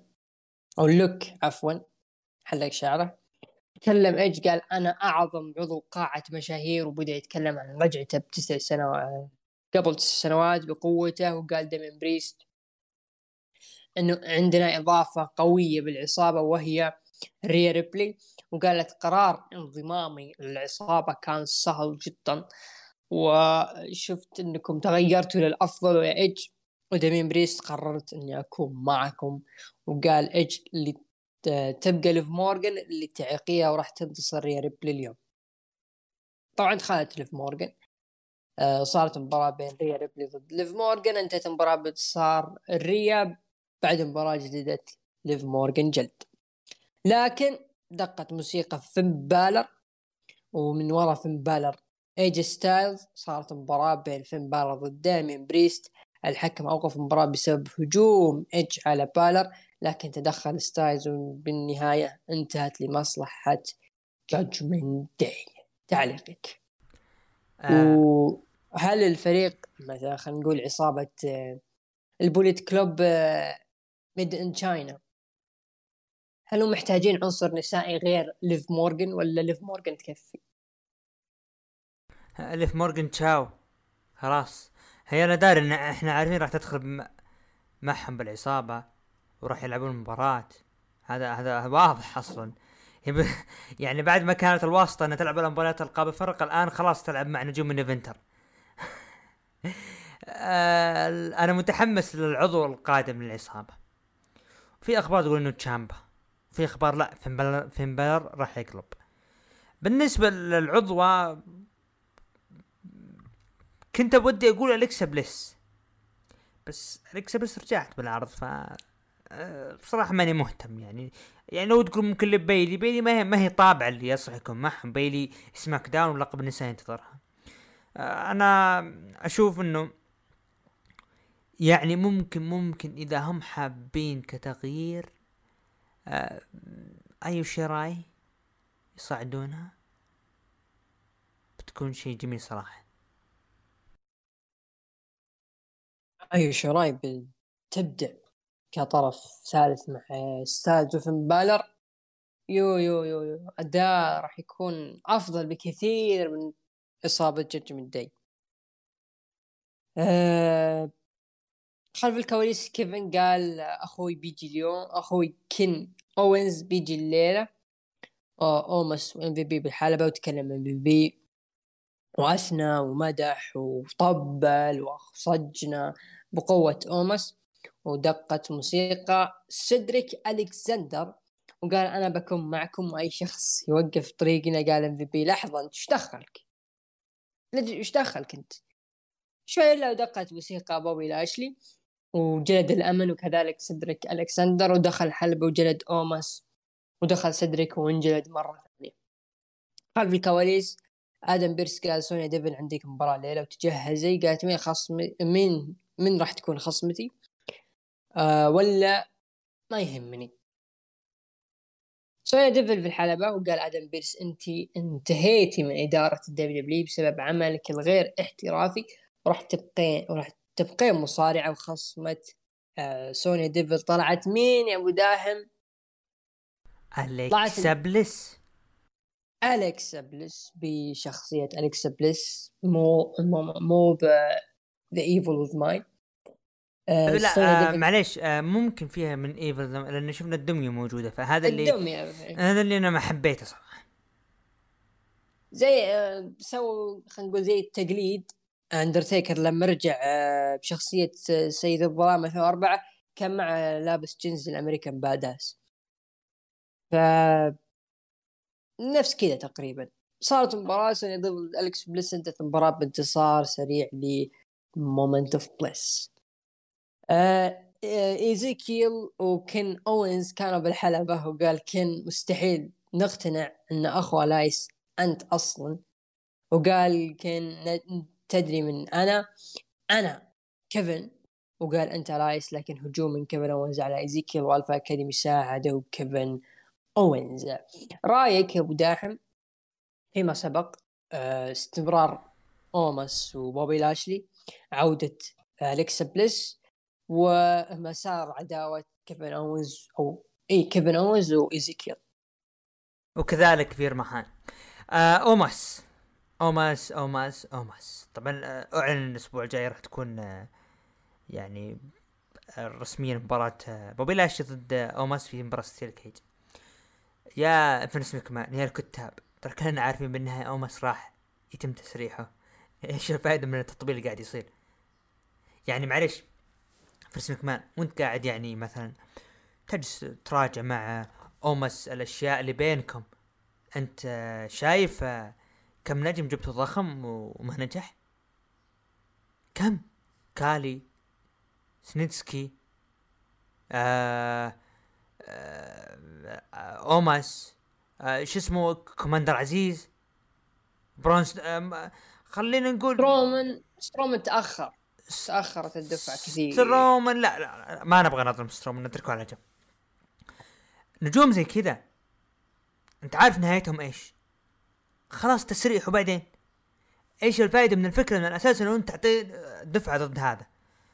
آه ف الشيء الآخر آه اللي هو ايزيكل إيزيكل عداوة حلوة ما بينهم لكن إحنا كلنا عارفين إنه إيزيكل ما راح يصل لل top okay كفقرات راح ينجح لكن نفس شخصية إلايس لكن كشيء آخر آه ما, ما أرى ما أرى إنه آه إنه راح تنجح. فهذا بالنسبة لي. نجي لفير مهان بالنهاية راح يتسرح. أتذكر شخصية سترومان لما طلع ببدايات الرو ما بعد ال draft ويجيك ال بايرون ساكستون نفس نفس نفس الشخصية. يروح يسأل الخصم أوه أنت كيف يعني بكل هالقوة تدخل ضد سترومان. فيجيك الجواب إنه أنا أقدر أنا قدها. ما أنتم خمس ثواني ست ثواني إلا النجم مجلود هذه copy paste تكرار وبالنهاية فيرمان راح يتسرح فما ما راح أكترث فيرمان حتى لو فاز بلقب عالم لأنه بالنهاية راح يتسرح صدقني. دام هم ماشيين على ال copy paste اللي صار لسترومان يصير الآن لفير ماهان مرة مرة. ممكن يبي يفرقون يرجعون ري ميستيريو ودومينيك يلعبون عداوه ضده. آه مباراة آه غير متكافئة أو مباراة آه آه شو يسمونها؟ لا إله إلا الله. handicap match handicap match ويفوز فيها فيرماهان وينطلق ما أدري بس أنا كفكرة الآن ماشيين فيها ما حبيتها وتكرار.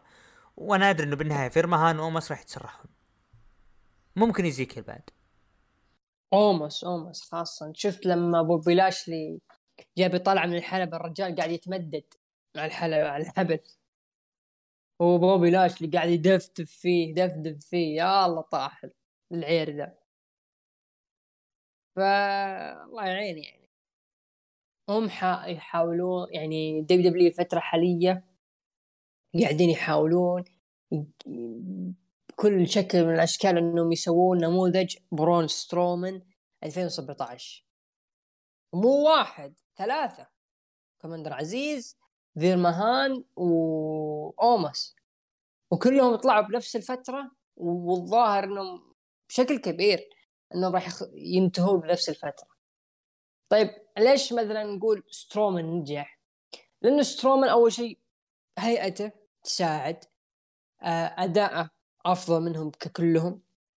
آه، character ه يعطيك فعلا إنه هذا آه، وحش آه، متحدث جيد على المايك قدر يجاري أي مصارع آه، متميز على المايك آه، قدر إنه يسحب الأضواء من مين يا عبد الرحمن؟ من رومان رينز واجهة ال WWE في آه، لا هو لا يزال واجهة الدب لكن خلينا نقول في نشوة الدفعات عام 2017 2016 كذا.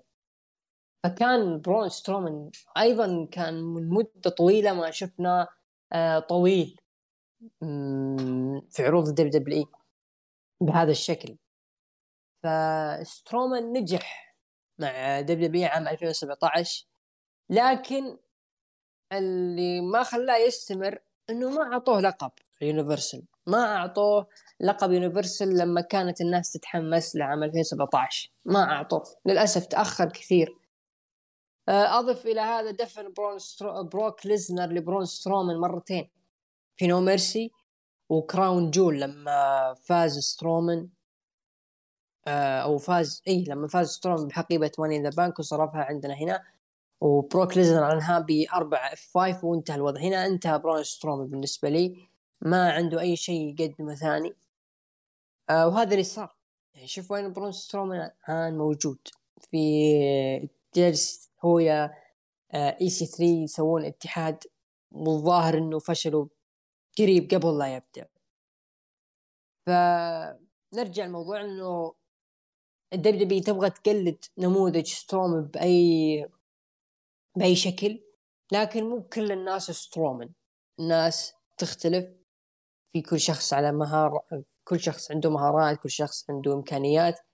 فلا تعطي أي نجم أكبر من إمكانياته وانت عارف إنه نجاحه سيء جدا. لا تنسى الفضايح اللي جالسة تنتشر في آخر فترة.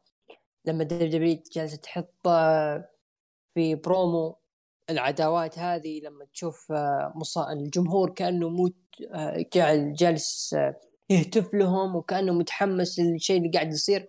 واصلا هذه الهتافات من عروض قديمة. أنت لما أرسلت لي المقطع هذا حق اللي ماخذينه من برومو جون سينا 2012 والله قعدت أضحك. يعني لهالدرجة وصلت ترقيع فيكم يا دبليو إنكم تجيبون من جماهير من عروض. ما ندري من وين صايرة وتحطونها في عروضكم. يعني أنتم بنفسكم وأنتم راضين على المنتج حقكم ليش مستمرين أجل؟ غيروا غيروا اللي حواليكم غيروا الروستر غيروا الأفكار وبتنجحون. استمروا مثلا على إنه إحنا مصارع انترتين ما عندي مشكلة. بس حاولوا تقدمون شيء جديد. حاولوا تقدمون شيء مختلف. إلى متى راح نشوف بناء والله مصارع ضخم يجلد jobber آه المصارعين الأبطال يخسرون في العروض الأسبوعية وأما في العروض الشهرية يصيرون سوبرمان. والله يسوي تغيير بسيط بس لو تسوي تغيير بس بسيط للدب دبليو وتحاول تركز على أعمارها والله إن ترجع من جديد للساحه كثقل عروض إن الناس تتابعها. الناس يا عبد الرحمن صارت يعني تسكب عروض صارت ما تتابع إلا العروض الشهرية. في واحد مثلا يشوف عرض ويحسب على اثنين. فهذا يضر يضر كثير الدب دبليو. لكن كمال هل هم متضررين؟ ابدا. الدب دبليو في أوج عطائها المالي آه، آدم بيرس عطى فرصة ضد آه، اعطى آسكا فرصة ضد آه، بيانكا بيلير ودخلت بيكي لينش وما عجب هذا الشيء وقالت هذا الشيء مضحك وقال آدم بيرس أنا أعطيت فرصة لآسكا إذا ما فازت بتاخذ فرصة على اللقب لسارو ولا زال الوضع ما أعجب بيكي لينش. مثل ما تفضل عبد الرحمن فير مهان لعب مباراة ضد جوبر انتهت المباراه بانتصار فير مهان. بعدها صارت مباراة على لقب الولايات. آه ثيري لعب مباراة ضد كودي رودز. أثناء المباراة آه هجوم عنيف شرس من سيث رولنز على كودي رودز والحكم انهى المباراه بال DQ. آه أنت شايف ال ال خلينا يسمونه الجاكيت حق سيث رولنز تتوقع ماخذه من بيكي لينش؟ صغير مرة مغطي الصدر يا رجل. طجم طجم طجم حريقة. المهم آه المباراة كيف شفت؟ مباراة جميلة. كودي رودز جميل. أوستن ثيري أو ثيري جدا جميل. يعني آه آه تتكلم إنه آه لا إله إلا الله. تتكلم إنه آه، كيف سوى حركة آه، اللي هي حركة ستار داست اللي سواها أوستن ثيري. جميلة جدا جميل مرة. تصدق إنه ضبطها أكثر من كودي نفسه. يذكر هو يذكر آه إنه ها ترى كودي ترى أنت كنت كذا. فلكن مباراة جميلة كودي نجم. يا أخوان كودي اللي قاعد يقدمه الآن كأنه آخر أيامه. والله العظيم جدا مبسوط باللي قاعد يقدمه بكل صراحة. أنا بالنسبة لي أنا أرى اللي قاعد اللي قاعد يقدمه كودي جدا جميل. طبعا عرض القادم للشهري هو اللي هو Hell in a Cell فبتكون هي الختامية لهذه العداوة. مع إنه ممكن في إحساس يكونون tag team ما أدري ليش. كذا في في إحساس بعيد إنه يكون في tag team بينهم. نعم المهر العرض القادم راح يكون Hell in a Cell بيكون في شيكاغو. إلينوي في قاعة Allstate Arena وهي القاعة اللي فاز فيها جون سينا على WrestleMania 22 آه برضو أنا ايد كلامك إنه المباراة كانت ممتعة. آه ما ما أقدر أقول إنه والله كودي رودز يعني بدع في المباراة لأنه جالس يقدم مباراة مع أيضا نجم موهوب على الحلبة مثل أوستن أو ثيري لكنه قدم أداء حلو ترى.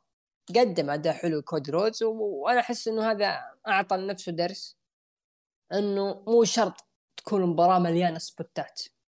عادي تكون مباراة آه، فيها أداء آه، تقدم اللي قادر تقدمه أنت ومباراة تطلع بشكل حلو. فأنا حسيت إنه هذا الدرس لكودي رودز أو أي اتحاد ثاني إنه مو شرط تكون مباراة مليانة شقلبات وبالنهاية تفشل هذه الشقلبات وكودي عارف يعني إيش كان يسوي في AEW فكرة سث وكودي يكونون tag ما أحس إنها بتكون بالوقت الحالي لكن لو قلنا مثلا في Survivor Series يكون في شيء مفاجئ ممكن تصير سيث رولنز وكودي رودز tag team فهل المباراة الجاية بتكون بينهم؟ داخل قفص الجحيم بتكون دمار صراحة. بتكون دمار. الحين نجي للفقرة اللي فعلا ضحك بدون كوميديا. من كتاب ال WWE ساشا بانكس ونايومي يلعبوا مباراة أعتقد على ألقاب الفرق النسائية وخصومهم مين؟ دودروب ونيكي آش. والحكم كان we are British we are from British British بالضبط. فلعبوا مباراة انتهت المباراة بانتصار نايومي وساشا بانكس. ودودروب على طول جاس عطت اللوم على نيكي اش سبحان الله. على طول تكونوا على طول بيتفرقون. أسرع فريق شفته في حياتي. آه، دخل The Miz وكان لابس طقم الحكم آه، علشان بيكون هو حكم مباراة. تشامبا أنا استغرب أنا شفت إنه محذفه اسم توماسو للأسف وخلوه تشامبا آه، لعب مباراة ضد مصطفى علي والحكم. دميت انتهت المباراة بانتصار تشامبا بعد ما ثبت ذا ميز تثبيت سريع على مصطفى علي. فواضح إنه هذه عداوة بين مصطفى علي وذا ميز وإن شاء الله إن شاء الله إنه مصطفى علي يقدم شيء حلو. آه بوبي لاشلي خلف الكواليس توعد اوماس في مباراة steel cage مثل ما تفضل عبد الرحمن نروح لل main event. آه اسكا ضد بيانكا بلير وفي طاولة التعليق كانت متواجدة بيكي لينش وهي آه نص خلينا نقول mask اللي يحطونه الدكاترة أيام فترة كورونا. نص نص mask. الحكم أوقف المباراة بعد ما تدخلت بيكي لينش وخربت المباراة. وبذلك يكون آه انتهى عرض رو. آه طبعا مشاهدات عرض رو بلغت مليون وستمائة ألف مشاهد. آه رأيك بختام عرض رو؟ آه، نهاية عرض الرو هذا اندلف تكون ثلاثية في Hell in a Cell بيكي لينش ضد آسكا ضد آه بيانكا بلير وأعتقد بيانكا بلير هي اللي راح تنتصر وتستمر باللقب. أتمنى بوبي لاشلي وأوماس المباراة القادمة هي مباراة النهائية بينهم. ما أبغى شيء ثاني. النهاية هي تكون الأسبوع الجاي. أنا قبل شوي كنت أذكر اللي هو هلال الصين أنا أبو عوفه برمي كلمة على السريع وهذا يبدو إنه مو تكون في عرض السعودية. تسريبات طلعت لكن الآن. قدامي يعني اللي يقول اب كومينج ايفنت سكيدجول طبعا هيرون سيل 5 جون؟ 2 جولاي ماني ذا بانك سمر سلام 30 جولاي. نفس الشهر. اي نعم. آه، سبتمبر آه، تاريخ ثلاثة. عرض. كلاش اوف ات Castle أو شو اسمه العرض بكاردف أكتوبر إلى الآن ما في أحد. تمام؟ يبدو ها يبدو العرض هذا بيكون عندنا بأكتوبر. نوفمبر راح يكون Survivor Series بمدينة بوسطن. فها ممكن عرض السعودية بأكتوبر. فهذا هو راح يبين الأسابيع الجاية لأنه أكتوبر فاضي. آه خلينا بعد. August August فاضي بعد. آه August وأكتوبر آه. لكن أكتوبر هو تقريبا مع موسم الرياض عودته. فيب. ممكن. ممكن. ممكن يشتغلون آه وأنا أرى إنه آه أو خلينا نعطي تقييم العرض. تقييم العرض بالنسبة اللي هو ال Raw خلينا اعطيها أنا. خمسة ونص من عشرة. عرض ال Raw اتمنى أشياء تنتهي الأسبوع الأسابيع القادمة. الاولها بوبي لاشلي و آه، عداوته. ثاني شيء لازم يشيلون موضوع فكرة توحيد الألقاب. أنا ما أبغاها أشوفها خير شر. وهذا بما يخص بالنسبة لي في عرض الروم للأمانة أنا أتفق معك. توحيد ألقاب الفرق ما هو في محله. ولا حتى توحيد ألقاب النسائية. أنت صح اضطريت أنه توحد ألقاب العالم علشان بس ما كان عندك أحد إلا بروك ليزنر ورومان رينز. وكنت تبغى تعطي رومان رينز لحظة للتاريخ وصارت. لكن إنك توحد كل شيء مع بعض أنا أشوف لا ما هي ما هي بوقتها. الروستر الحالي بالقصص الحالية قاعد يعطيك شيء بس ركز عليهم. فقط ركز عليهم. وشوف يعني الحين إن كملنا نص سنة نص سنة هو. صحيح إنه العروض في يعني ما بقول في في انحدار بسيط في توهان بسيط لكن مع ذلك قدروا يمشوا يمشون معك لنص نصف السنة وفي عداوات حلوة سواء في عرض SmackDown أو عروض Raw وفي مباريات حلوة. فهذا دليل إنه ال WW خسرت مصارعين كثار لكن بالمصارعين المتواجدين حاليا قادرة ال WW إنها تقدم شيء للمشاهد. بس اللهم تركز على المصارعين تركز على ال kayfabe تركز على القصص. فقط لا أكثر ولا أقل. آه والله حلوة أنا مستنيها صراحة. بيانكا بيلير وبيكي لينش وآسكا. بتكون حلوة صراحة.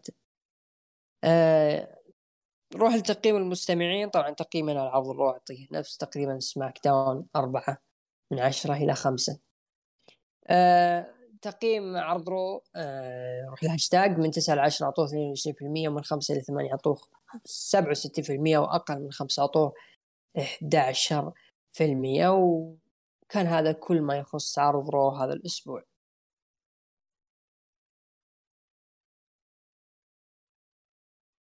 نروح آه، العرض نحل العرض NXT لكن قبل ذلك آه، الأسبوع الماضي آه، أعلنت ال W عن فسخ.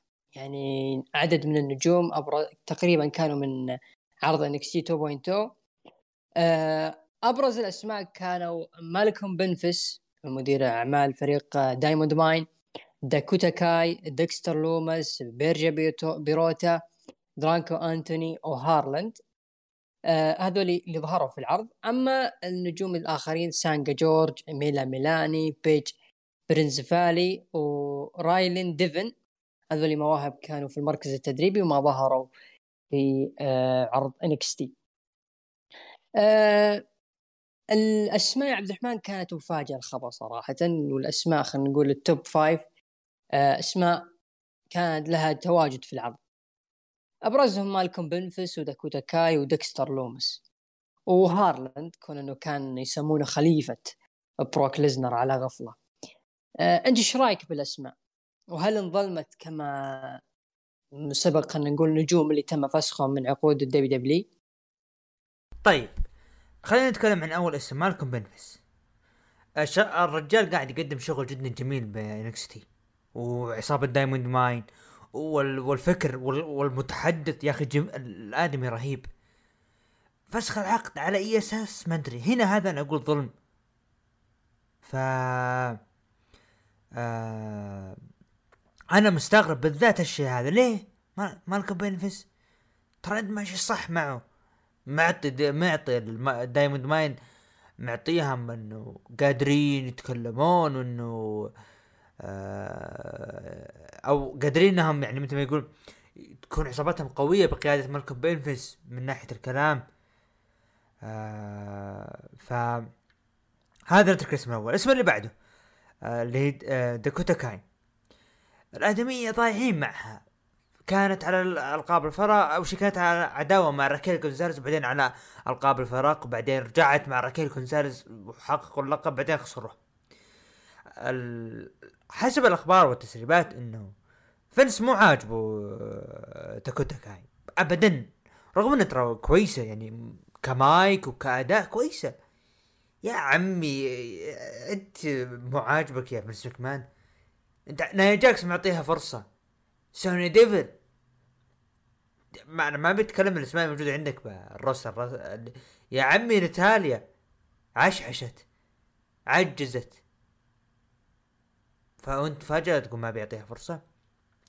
ديكستر لومز أنا يعني مثل ما يقول آه شوف كموهبة قهر شيء يقهر. لكن السرد اللي صار له بقصته والتوجه ما كنت مستغرب لأنه داخلينه بعداوة تضحك اللي برضو معه معه بالعداوة بيروتا. على طول شاتوها. شاتوها على طول. ما همني. آه أبي أنا الاسم هارلند هارلند اللي next big thing بروك ليسنر تأملنا فيه. لكن علشان ما أكون الآدمي ما قدم شيء الكتاب ما أعطوه فرصة فبصراحة أنا بكون محتار يعني. ما أقدر أقول إنه ظلم ولا أقدر أقول إنه يعني ما قدم شيء لأنه فعلا الكتاب ما أعطوه فرصة. ما ما شفناه فردي ترى. مع جو قيسي بس. فما بصراحة لا. أنا أشوف بالنسبة لي إنه دام الكتاب ما أعطوه أي فرصة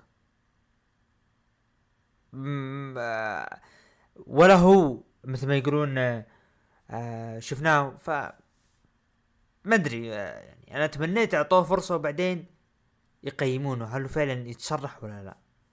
هذا بالنسبة للاسماء اللي اشوفها آه هارلاند على حسب ما سمعت إنه الولد ما مو هو ملتزم في التدريبات. شافوا اداءه في مركز التدريبي لقوه فطفوط يعني على قد الرجال.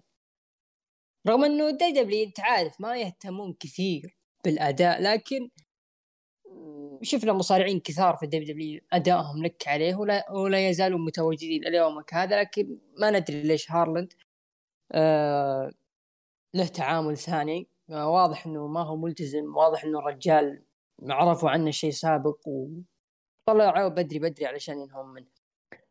أنا مثلك أنا لما قريت القائمة وشفت مالكم بيفنز لما زعلت صراحة كثير لما قرأت اسمه أو أول أصلا أول اسم تم فسخ عقده بعد داكوتا كاي.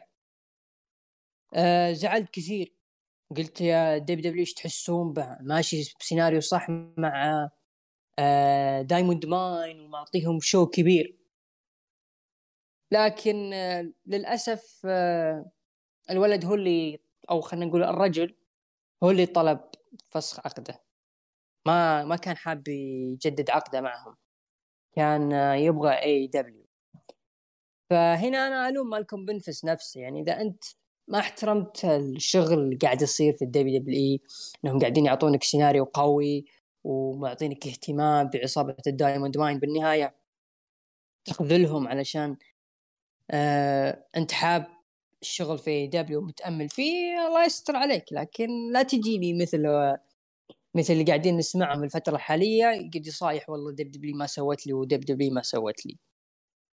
فجي جي أما داكوتا كيف أتفق معك الكتاب ضايعين معها؟ ما أعطوها حقها واضح إنه أصلا مسار انكس 2.0 ما هو مستهدف لها. أما باقي الأسماء فعادية ما قدمت شيء يذكر في العرض. الآن ندخل مباشرة لتحليل عرض إنكس تي. طبعا افتتح العرض بمباراة على لقب نساء إنكس تي.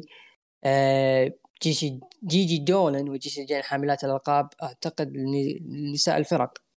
أي نعم. لقب نساء لقب فرق انكس تي جيسي جين وحاملة الالقاب ضد روكسن بريز وويندي تشو. لكن ويندي هاجمت توكسيك اتراكشن من الخلف وانتهت المباراة بانتصار وحفاظ توكسيك اتراكشن بعد المباراة هاجمتهم ويندي تشو لكن انجلدت. أعتقد هذا الأمر ما يهمك يا أبو داحم إنه ويندي تشو هي منافسة التوكسيك وداكوتا كي يتم عقدها. شوف آه ويندي تشو ترى ماشيين معها خط جميل جدا لكن هم خربوها بال بالاشهر الأخيرة. لكن البنت يعني الآن مقدمة شيء جميل بصراحة. أوكي مو مشكلة. على كذا راح ننتظر فترات طويلة على بال ما نشوف خصم الماندي روز خصم حقيقي يعني.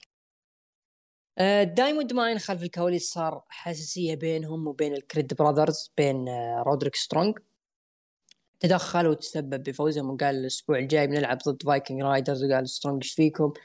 ترى فزتوا لكن ترى في شخص بينضم معنا من فترة دايمون كامب وظهر آه، دايمن آه، بعدها دخل جو جيسي للحلبة مع شخصين مجهولين وقال جو أنا فتحت الباب لكل شخص مهما كان يكون مع التغيير لكن الشخصين قرروا البقية لا وقال هؤلاء هم التغيير وتوعد الجميع.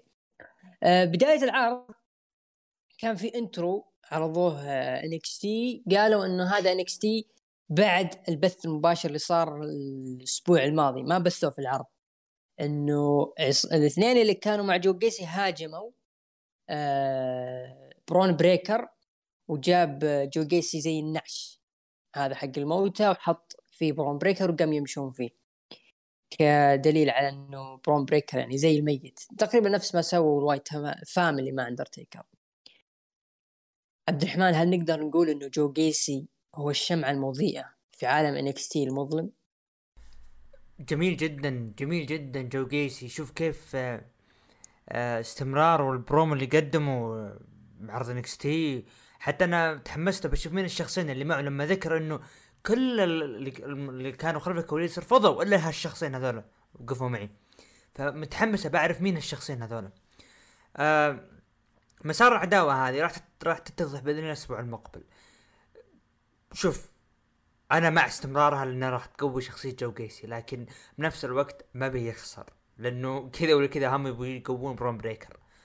ف ننتظر ونشوف مع إن جو جيسي يعني كنا نقول جو جيسي تذكر تذكر قبل قال الأسابيع الماضية يمكن قبل شهر تقريبا لما قلت لك إنكس تي 2.0 ترى في أسماء يوم تقول لا ما في يوم يقول لك جو جيسي جريسون وولر الأسماء هذه.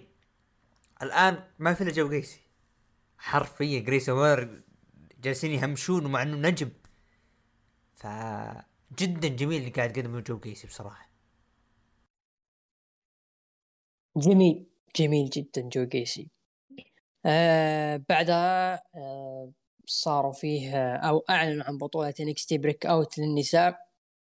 آه وظهروا المشاركات أنا بالنسبة لي بطلة محروقة. واضحة يعني من من بعد ما أعلنوا عن الأسماء. مين؟ بعدين بنعرف. المباراة الأولى آه، واحدة اسمها جايكوبس لعبت مباراة ضد هنلي وانتهت المباراة بفوز فالون هنلي آه للأمانة أدائهم حلو صفار جيد البنتين هذول. آه سانتوس إسكوبار توعد توني دي أنجلو وعصابته وقال ما راح تجون أو تنجون. معنا عفوا.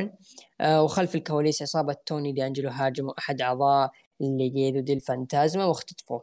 عداوة جميلة جميلة جدا هذه العداوة بين سانتوس بين الليجيدو و توني دي انجلو عداوة عصابات جميلة جدا من طابع المافيا ماخذين المافيا الإيطالية والمافيا المكسيكية.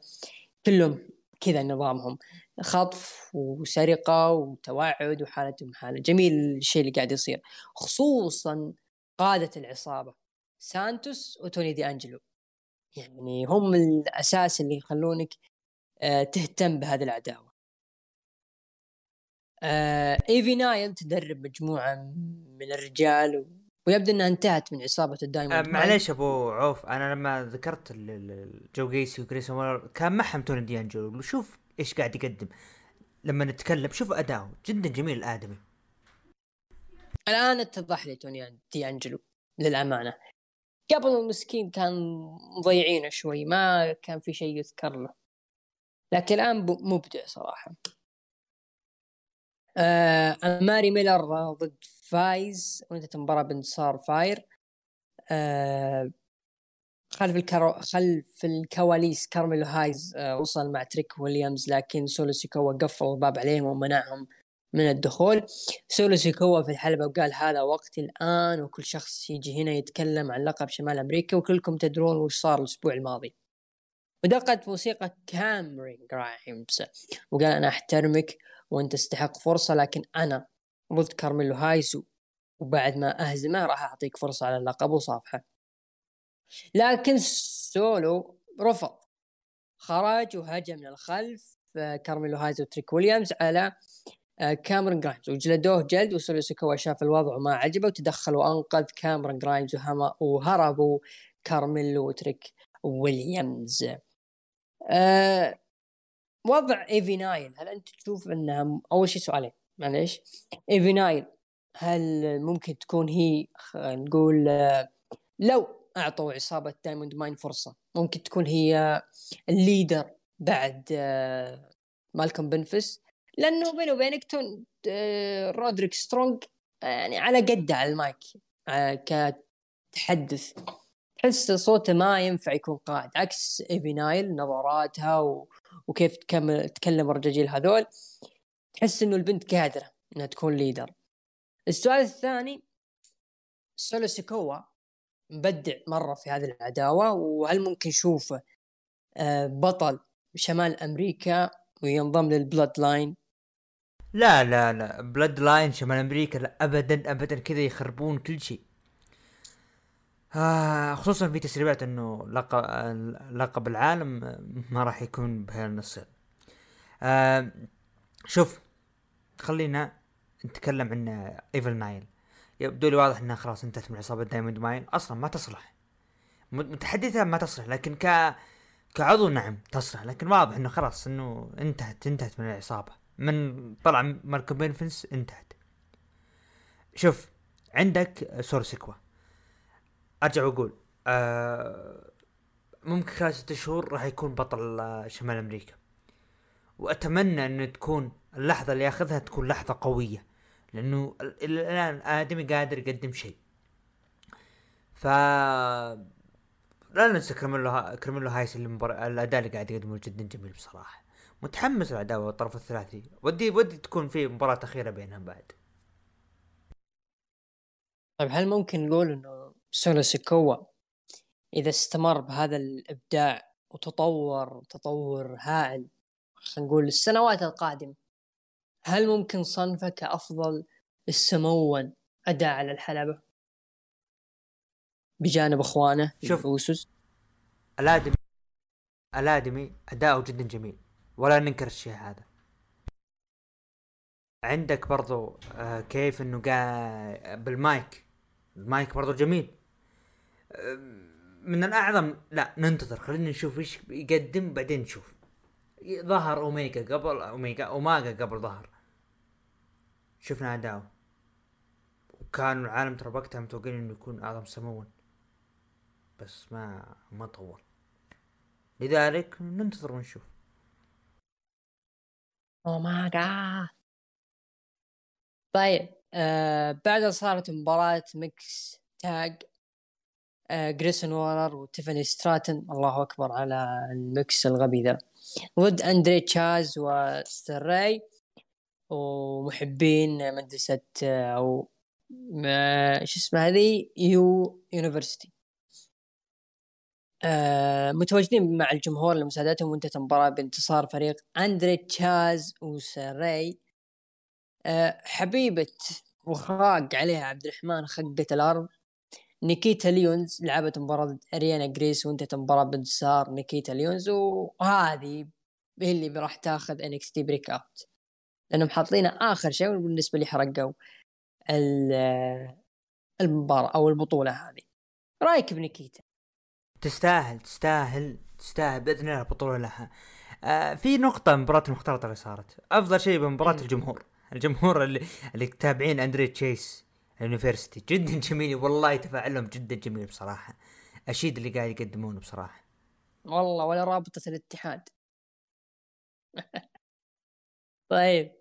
لا لا شوف إذا استمروا هم بس في بعض النجوم ال entertainer يحتاجونهم إعلام يحتاجونهم ناس تنتبه لهم كثير. من ضمنهم آه، محبين أو جماهير آه، يو Chase أو يو أو Andre University صدقني هذول يعني راح يكونون مثل توهج الجمهور لما كان تاي دلنجر لما كانوا يقولون ten. والله كان بيسوون شيء مجنون صراحة في ظل آه، خلينا نقول برود جماهير العروض الرئيسية. هذول إذا كانوا في العروض الرئيسية خلينا نقول بس متواجدين بين الجماهير راح يحيون الجماهير وراح يكونون شيء جدا جميل.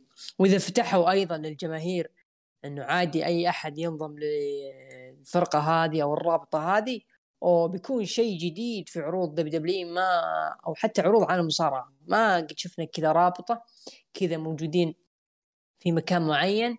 يشجعون. بتكون شيء حلو صراحة. ما ان دبليو تسمعنا مثل ما طبقوا صوت التعليق؟ بثوه صوت المعلقين في آه، احدى المباريات. فبيكون شيء جميل. خلف الكواليس ال Viking Raiders آه، قالوا نحتمر نحترمكم يا ال Creed Brothers. ذاك الأسبوع المقبل بينتهي الاحترام بنجلدكم يعني واضح إنه مباراة إعادة بين الفريقين. وواضح إنه المباراة راح تكون نهاية عصابة ال Diamond Mine رسميا. آه ال main event آه، كورا جيد ضد ناتاليا. تنتهي المباراة بانتصار ناتاليا بالاخضاع بعد المباراة ناتاليا صافحت كورا جيد وحضنتها وهذا دليل على إنه ناتاليا خلاص انتهت مهمتها في NXT. معليش هذا دليل على التخبط اللي قاعد يصير. مشغلين الاسابيع مشغلين الاسابيع الماضية كورا جيد وحلم حياتها وناتاليا والتبكبك وحالته حالة. تنتهي بالطريقة هذه. video package وقوة وتهديد وتوعد. بالأخير كذا. شوف ونتاليا يعني نتاليا الأسبوع هذا ب SmackDown على ألقاب الفرق وبنكس تي وقبلها آه، عداوتها مع كوراجيد مباراة الفرق الأسبوع الماضي. بعدين؟ بعد لا المضحك المضحك إنه العجوز نتاليا فازت بالاخضاع اي ادري أدري وهنان ممكن يزعل لكن العجوز نتاليا فازت بالاخضاع الخبرة الخبرة. لا لا, لا العجوز. وبعدين؟ وش أنا وش استفيد الحين من نتاليا حضنته وبعدين؟ تخبط تخبط. العرض جدا جميل أسوأ شيء أو الشيء اللي خرب العرض النهاية. أوكي لاحظت إنه يعني في نساء نساء نساء بالعرض ممكن عشان البطولة. لكن العرض المجمل جميل جدا باستثناء النهاية. وعشان ما أطول أنا بالنسبة لي أعطيها العرض ستة ونص والعشرة كان سبعة لكن لولا النهاية. كيف يا عبد الرحمن؟ يعني مو حتى أبو عوف مع... معلش أبو عوف. لو ما صار الحضن بالنهاية والمصافح بقتنع لكن اللي خربها النهاية حضنوا بعض هذه يا حبيبي انتهى عرض NXT وجاب لك فيديو لحالهم أوكي.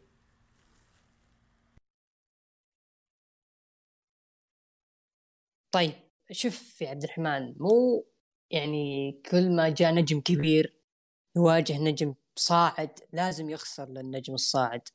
دائما أوكي يفوز النجم الصاعد لكن وبعدين؟ الناس تنتظر أوكي أنت فزت على هذا النجم الكبير وش ممكن تقدم لنا؟ يعني أنا يا ليت هذا الفوز اللي كان نتاليا يعني أعطوه لتشامبا كتكريم لما لعب مع توني دي انجلو بالعكس توني دي انجلو ما راح يخسر شيء. يعني نقول مثلا إنه النجم الكبير هذا يعني عنده خبرة يتعامل مع المباريات بينما هذا النجم الصاعد يقدر يقدم مع مباريات لكن زي ما أنت شايف النهايه أخضاع بدون أي خلينا نقول بدون أي خبرة من كراجيد وانتهت عداوتهم هذه. لذلك مو كل مرة النجم الكبير في العمر يخسر للنجم الشاب. ما عادي. بالعكس ممكن تعطي إضافة كبيرة للنجم الشاب إنه قدم مباراة مع هذا النجم الكبير وإنه راح آه، يستفيد في من خلال مسيرته. تقريبا نفس الشيء لما لعب جريسون وولر مع AJ Styles تخيل معي لو جريسون وولر فاز على AJ Styles كيف راح تكون ردة فعل الناس على جريسون وولر؟ أكيد راح تكون سلبية. بس هل استفادت كورا جيد من تواجد من عداوتها مع ناتاليا؟ للأمانة لا. هل استفادت ناتاليا من وجودها في NXT وهل قدمت شيء يذكر؟ للأمانة لا. لا هي باللي أعطت كورا جيد over ولا هي أعطت آه، صاحبتها قبل لاش ليجند آه، البوب اللي تحتاج. شوف آه، لاش ليجند على طول حطوها في ال Breakout. ف نتاليا أنا أشوف تجربتها كنجم نجوم من ال roster الرسمي يروحوا ل NXT عشان يعطون فرصة لنجوم الشباب. أنا أشوفها من أسوأ التجارب. فجي جي جي جي لكورا جيد. أنا بالنسبة لي أحس ما راح تقدم شيء يذكر. يعني لحد الآن جميع عداواتها وجميع قصصها لحد الآن ما أقدر أقول فاشل لكن ما قدمت الشيء اللي يذكر لكورا جيد. آه طبعا هذه كانت نهاية عرض NXT. طبعا مشاهدات عرض NXT كانت 533 ألف مشاهد. آه، روح التقييم المستمعين طبعا عبد الرحمن قيم NXT بستة ونص ما خانتني الذاكرة. آه، تقييم المستمعين أعطوا من 9 ل 10 25% ومن 5 ل 8 أعطوه 50% وأقل من 5 أعطوه 25% أنا أعطي العرض بصراحة 5 ونص تقريبا 5 ونص. أشوفها جيدة لعرض NXT هذا الأسبوع. هذا كل شيء يخص عرض NXT. نروح الآن لعرض AEW مع الباريستا. عرض داينامايت العرض اقيم في لونج آيلاند نيويورك. طبعا ديرة MJF. بدا العرض مباراة آدم كول ضد داكس هاروود. ضمن تصفيات أوين هارت الرجال فاز آدم كول بالإخضاع. سؤال أبو عوف أنت ما عندك مشكلة إنه فاز بالإخضاع ولا لو كان تثبيت أفضل؟ أول شيء آه على مباراة آدم كول عندي تعليقين. التعليق الأول على آدم كول نفسه. أنا عندي طقوس معينة قبل لا أتابع العروض الحديثة إني أتابع مباريات قديمة مباريات جميلة علشان آه زي ما تقول ننعش الحماس والشغف للمصارعة عشان ما يموت. فكان قبل ما أتابع داينامايت كنت أتابع مباراة دا آدم كول ضد آه ريكوشي في مهرجان بروكلين. المباراة جدا جميلة. لما جيت أشوف مباراة داكس هاروود وآدم كول أشوف آدم كول صاير نحيف مرة مرة نحيف. هذا أثر أنا أشوف بالنسبة لي أثر كثير على أداء آدم كول. جدا مختلف عن NXT لازم يشوف لآدم كول حل. أنا ما بقول انتفخ لكن حسن من جسمك شوي. هذه بتضرك كثير. يعني حتى الآن آدم كول ما قدم أداء ممتاز في AEW حتى الآن ما شفت له مباراة حلوة. تبي الصدق. ليش؟ لأنه البنية الجسمانية واللياقة ضعيفة جدا ما هي مقارنة ب NXT. فأتمنى أنه آدم كول يحسن من عمره ويحسن من بنيته الجسمانية في NXT آه في AEW عفوا. أما على المباراة مباراة جيدة كانوا اعتماد كلي على powerhouse هذه زي ما قلت أثرت كثير على أداء آدم كول. أه لو تلاحظ مباريات ال AEW جالسين يقتبسون الكثير من أسلوب بريت هارت. فنهاية المباراة بالإخضاع يعني ما أشوفها شيء كبير أو شيء wow. آه بالنهاية تقصد اوين هارت يعني بما إنه بطولة باسمه. لا أنا أقصد آه، يقتبسون من أداء بريت هارت. آه، بانك okay. على ال FTR على الشباب هذولي آه، يقلدون من بريت هارت. تحس إنه فعلا إنه كان بريت هارت بيوقع مع AEW وهو اللي راح يتوج آه، أبطال آه، بطولة اوين هارت. لكنه بالأخير جدد لل WWE صدقني زوجته زوجة آه، زوجة اوين هارت هي اللي هي, هي ما هي اللي وا- اللي موافقة وهي راح تتزوج فممكن بريت هارت رفض الشيء هذا و... وجدد. ممكن ممكن. حتى أذكر زوجته آه، أعطت shoot لبريت هارت قريته في أحد المواقع. آه، ختاما للمباراة اشوفها مباراة حلوة جيدة كافتتاح والنهاية بالإخضاع ما أشوف أنها مؤثرة كثير. لأنه لو تلاحظ آه، تعرض إصابة داكس هارود كسيناريو بسبب ضربة ال- ال- الزاوية هذه فأشوفها نهاية منطقية الصراحة. جميل جدا. شفنا آه، video package ان الحدث الرئيسي بين جيف هاردي ضد داربي آلن. مباراة سي ام بانك ضد جون سيلفر بطل وبطل AEW العالمي هانجمان أدم بيج طاولة التعليق. فاز سي ام بانك بعد دخل آدم الحلبة مسك آه بانك المايك وقال كنت تسأل هل أنت فعلا بطل لأن بمجرد أن أكون معك بالحلبة بنشوف. وطبعا قال صافحني لكن آدم سوى حركة غير لائقة. آه خطأ واحدة فأنا قاعد أشوف AEW في توجه من ناحية ال- الحركات الغير لائقة. عموما أنا ما أبغى أخذ رأيك ولا أعطي رايي علشان الحركة. مباراة توني نيس ضد دان هاوسن فاز توني نيس بعدها توني آه توني نيس جلد آه، دان آه لين دخل آه هوك وطلع آه وطلع طبعا توني نيس وهوك صافح دان هاوسن. فقرة توقيع MJF ووردلو طبعا آه اللي هو لكن كان في فيديو لهم تقريبا مشابه للمسلسل الوثائقي Dark Side of the Ring ومحاكي عن ووردلو و MJF دخل ومسك MJF ال mic ومدح مدينة لونج ايلاند وقال بالنسبة للشروط ما ما نعجز. يعني مثل ما صار مع كودي وإذا تبون نتكلم عن 2024 لأنه ما يهم. طبعا تقدر على توني خان وانه نهاية عقده يعني. والشروط هي عد من واحد لتسعة وشون سبيرز عد عشرة قال بتصير مباراة قفص بيني وبينك بينك وبين شون والحكم أنا. وان فزت بتواجهني في Double or Nothing جاء ووردلو يوقع ما قدر بسبب الكلبش بسبب الكلبشات يوم الحكم شالها ووقع وجلد الحراس وسيطر تماما الحلبة. أبو عوف خل خل خليني أسألك أنا.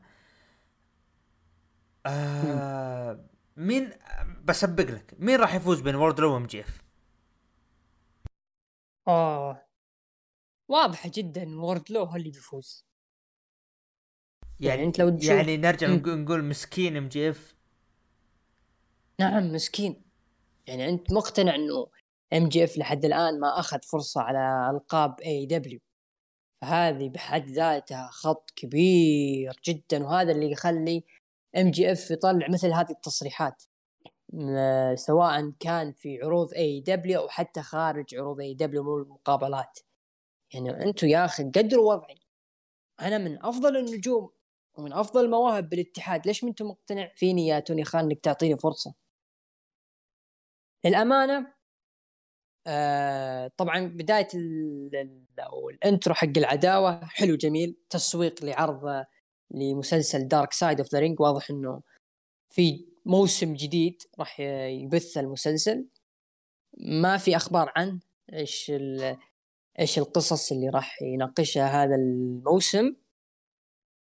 لكن MJF بدع بدع صراحة في البرومو تماما جدا مبدع جدا رائع. استمتعت في كل لحظة يقدمها MJF في البرومو. مدح للجمهور ذم للجمهور ذم لوردلو طقطق على توني خان وتاي دالينجر لما قال ten إنه أنا ممكن أيضا أرجع لي ل WWE كشخصية جانبية بجانب MJF. فشيء كبير صراحة MJF قاعد يقدمه. ولا زال هذه رسالة من MJF لتوني خان. أنت بالنسبة لي وهو لا يزال هو الرقم واحد. وبنعيد وبنكرر MJF هو الرقم واحد في AEW كموهبة وك heel وك mic. صحيح عندهم براين دانيلسون صحيح عندهم كيني اوميجا سي ام بانك إلى اخره لكن MJF في level ثاني عن هذول المصارعين الكبار. لذلك فعلا خلال هذه السنة إذا MJF ما أعطي ما يستحقه 2024 إم جي إف للدبليو دبليو بشكل نسبة كبيرة. وفي نسبة تقريبا خلينا نقول 25% لأنه عقده لا يزال مع AEW 25% إم جي إف في دبليو دبليو إي مع زيادة الأوقات وتكرار أو زيادة الأوقات في AEW راح تزداد النسبة لقرب إم جي إف لدبليو دبليو وعلى فكرة يقولون إنه الشركاء أو المتواجدين في مجلس إدارة WWE بقيادة فينس مكمان تراهم حاطين عينهم على MJF وراضين تماما إنه MJF يوقعون معه في WWE. لذلك آه كودي رودز القصة اللي قاعد يمشي فيها والسيناريوهات اللي قاعد تعطيها WWE هي مجرد مغريات سكريات تسويها ال WWE لنجوم AEW اللي على رأسهم MJF إنه شوفوا كودي رودز طلع من جحيم AEW وجاء إلى راح إلى جنة WWE وقاعدين نعطيه فرص. هذه رسالة ومغريات ل MJF إنه يوقع مع الدبليو دبليو طبعا آه، عصابة كاستير أو عفوا مباراة على لقب FTW بين ريكي ستاركس ضد جنجل بوي فاز فيها ريكي ستاركس. جنجل بوي يا أخي يا أخي تطبيل للعصابة لوتشاسورس لوتشاسورس وجنجل بوي. آه عصابة كريس جيريكو دخلوا وتكلم دخلوا وتكلم واحد إنه من لونج آيلاند بعد ما مسك جيريكو المايك وقام يمدح لونج آيلاند لأنه قد سكن فيها من قبل. وقال المدينة هذه تولد الكبار مثل إيدي كينغستون سنتانا وأورتيز دخل جون موكسلي وقال جيريكو اللي بين انتهى اطلع يا أخوي إيش تبي؟ لكن دخل براين دانيلسون وويلر يوتا ويليام ريجل قال جيريكو أنتم الحين أربعة وحنا خمسة اطلعوا. لكن من وراهم ظهر إيدي وسنتانا وأورتيز جلدوهم جلد. أنا والله حبيتها اللي, اللي صارت هذه. إيش رأيك فيها؟ لا جميلة جميلة اللي صار بين الجيركو مع جون موكسلي لما شفته يطقطق على إيدي كينغستون حسيت إنه جون موكسلي دخل في جنح الواقعية إنه كان team سابق لإيدي كينغستون وجاي يوقف جيريكو عند حده. وعندك الآن دخل مع براين وويلر يوتا فحسيت إنه آه العصابة هذه آه اللي هي ناسي أول اسمها لكن أذكر إنه Blackpool آه زي زي إي Combat Blackpool Combat آه وصلوا ال level إنه خلاص هذه عصابة نارية راح تدخل في عداوات شرسة مع العصابات المتواجدة في AEW بداية مع جيريكو Appreciation Society وهذه ترى إضافة كبيرة لعصابه جيريكو إنه راح يواجهون آه، آه، عصابة ال Combat وأسماء ثقيلة براين آه، موكسلي ويليام ريجل وبجانب الموهبة الرائعة ويلر يوتا تمنيت فعلا لو يكون في كلام بين ويليام ريجل وجيريكو كقادة عصابة بتكون شيء حلو لكن بيسوونها الأسبوع الجاي ومتحمس صراحة ل آه، العصابات في AEW. خصوصا لما تيجي تفكر مالكم بيفنز إنه راح يوقع معهم راح يكون system العصابات والفرق في AEW راح يكون ناري. تخيل معي حرب المايكات اللي راح تصير يعني جيريكو ويليام ريجل ومالكم بيفنز الآن على الأبواب. لو بعد يكون نفس وضع عصابه آه، ويليام ريجل يجيب له نجوم رائعين مستقبلا ويقدمهم كشكل خرافي بتكون الوضعي أو أوضاع فرق أو أوضاع فئة الفرق والمواهب في AEW بأمان. وابرز نجم أنا حاط عيني عليه إنه مالكم بيفنز راح يعطيه offer كبير. دانتي مارتن. بيكون شغل جبار مع مالكم بيفنز. آه لكن حسيت مع الوقت إنه جيريكو كأنه ينسخ اللي كان يصير مع عصابته الأولى ناسي اسمها ال Inner Circle. فحبيت لو يكون في توجه جديد من الجيريكو عشان يبعد تكه شوي عن عصابة ال Inner Circle. لكن بشكل عام الوضع العصابات والفرق في AEW في أمان. جميل جدا. video package سيرينا ديب آه، مباراة جيمي هيتر ضد توني ستورم ضمن تصفيات اوين هارت فازت فيها توني ستورم. video package لبطل TNT سكوربيو سكاي وجه رسالة لفرانكي كازيريان. في مقابله قاطع سامي جيفارا آه، كازيريان علشان يحطم أماله عن مواجهة سكوربيو سكاي. الحدث الرئيسي مباراة تصفيات اوين هارت الرجال ما بين جيف هاردي ضد ديربي ألين. إنتهت مباراة وانتصار لجيف هاردي. ومشاهدات العرض كانت 840 ألف مشاهد. رايك بال main event؟ يا أخي أنا أكثر شيء يضحك آه، لما تجي مباريات اوين هارت يحطون الصورة على مارة تحس انه رئيسة نادي قاعد يناظر مباراة. لازم عضو لازم شرف. لازم. طبيعي لازم هذه هذه شفت ديلورنتوس حق نابولي؟ هذه صعب التفاوض معه. إي والله اللي ريدس وإحنا ناويين كوليبالي. إن شاء الله يجي. أه المباراة بين جيف هاردي و داربي آلن حلوة جميلة جدا. كان فيها اوفرات كثير كان فيها سبوتات كثير من داربي آلن ومن جيف هاردي. أثناء المباراة حسيت إنه داربي آلن كان يلعب ضد آه، قدوته في الحياة اللي هو جيف هاردي وهذا ما آه، ترجم في الفعل لما صرح داربي آلن بعد نهاية المباراة إنه لعبت في احدى مباريات أحلامي وأعطى صوت لستينج اللي كان زعلان من جيف هاردي ولا زلت أضحك على نظرات ستينج لجيف هاردي. مباراة حلوة لكن حسيت إنه فيها ظلم كثير لداربي آلن إنه هو اللي اشتغل على المباراة آه، بشكل كبير من ناحية السبوتات من ناحية الأداء من ناحية القوة وكل شيء بالنهاية فوز جيف هاردي.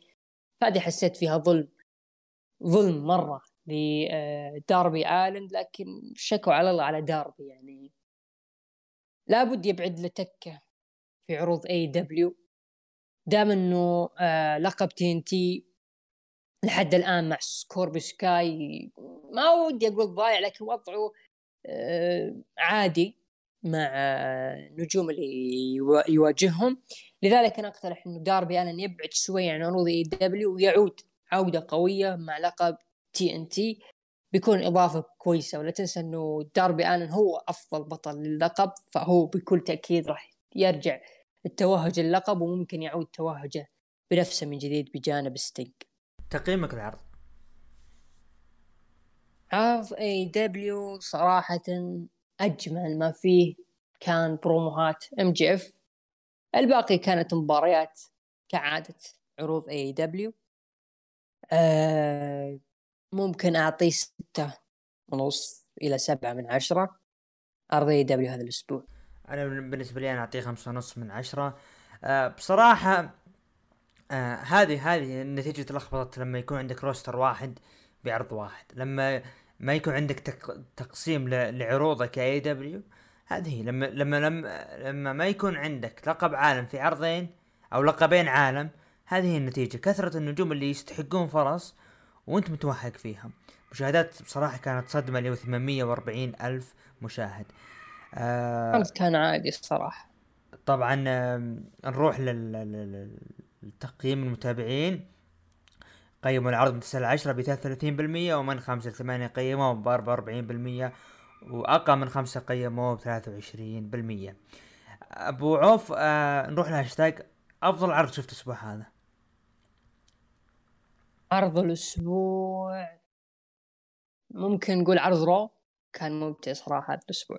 أنا لازلت أرى إن NXT ماشي صح. وإن شاء الله نتاليا ما تظهر ابدا. المتابعين قيموا ال Raw ب 67% يليه NXT ب 17 AEW ب 16 و SmackDown صفر. معلومة SmackDown صاير ممل أصلا الفترة الأخيرة في التكرار هل ممكن من عروض؟ أتوقع من عروض التسجيل آه في مشاركة من أحد المتابعين بما يخص عرض Backlash آه محمد حبيبنا. قال نتائج وأحداث متوقعة والمفروض سث يفوز. يعني في انقسام من ناحية فوز سث وكودي. وصلنا إلى الختام. أي كلمة ختامية أبو عوف؟ شكرا لك الباريستا عبد الرحمن. شكرا أخوان المستمعين على حسن استماعكم وانصاتكم إن شاء الله تكون حلقة جميلة. كعادة بودكاست ركن الحلبه اعذروني إذا حصل منا تقصير. نراكم إن شاء الله في حلقة الأسبوع القادم من بودكاست ركن الحلبه إلى هنا نصل الختام. شكرا أبو عوف. شكرا مخرجنا دحيم العلي ومهندسكم بريست عبد الرحمن. ونراكم بإذن الله الأسبوع المقبل في الحلقة رقم 116 إلى اللقاء.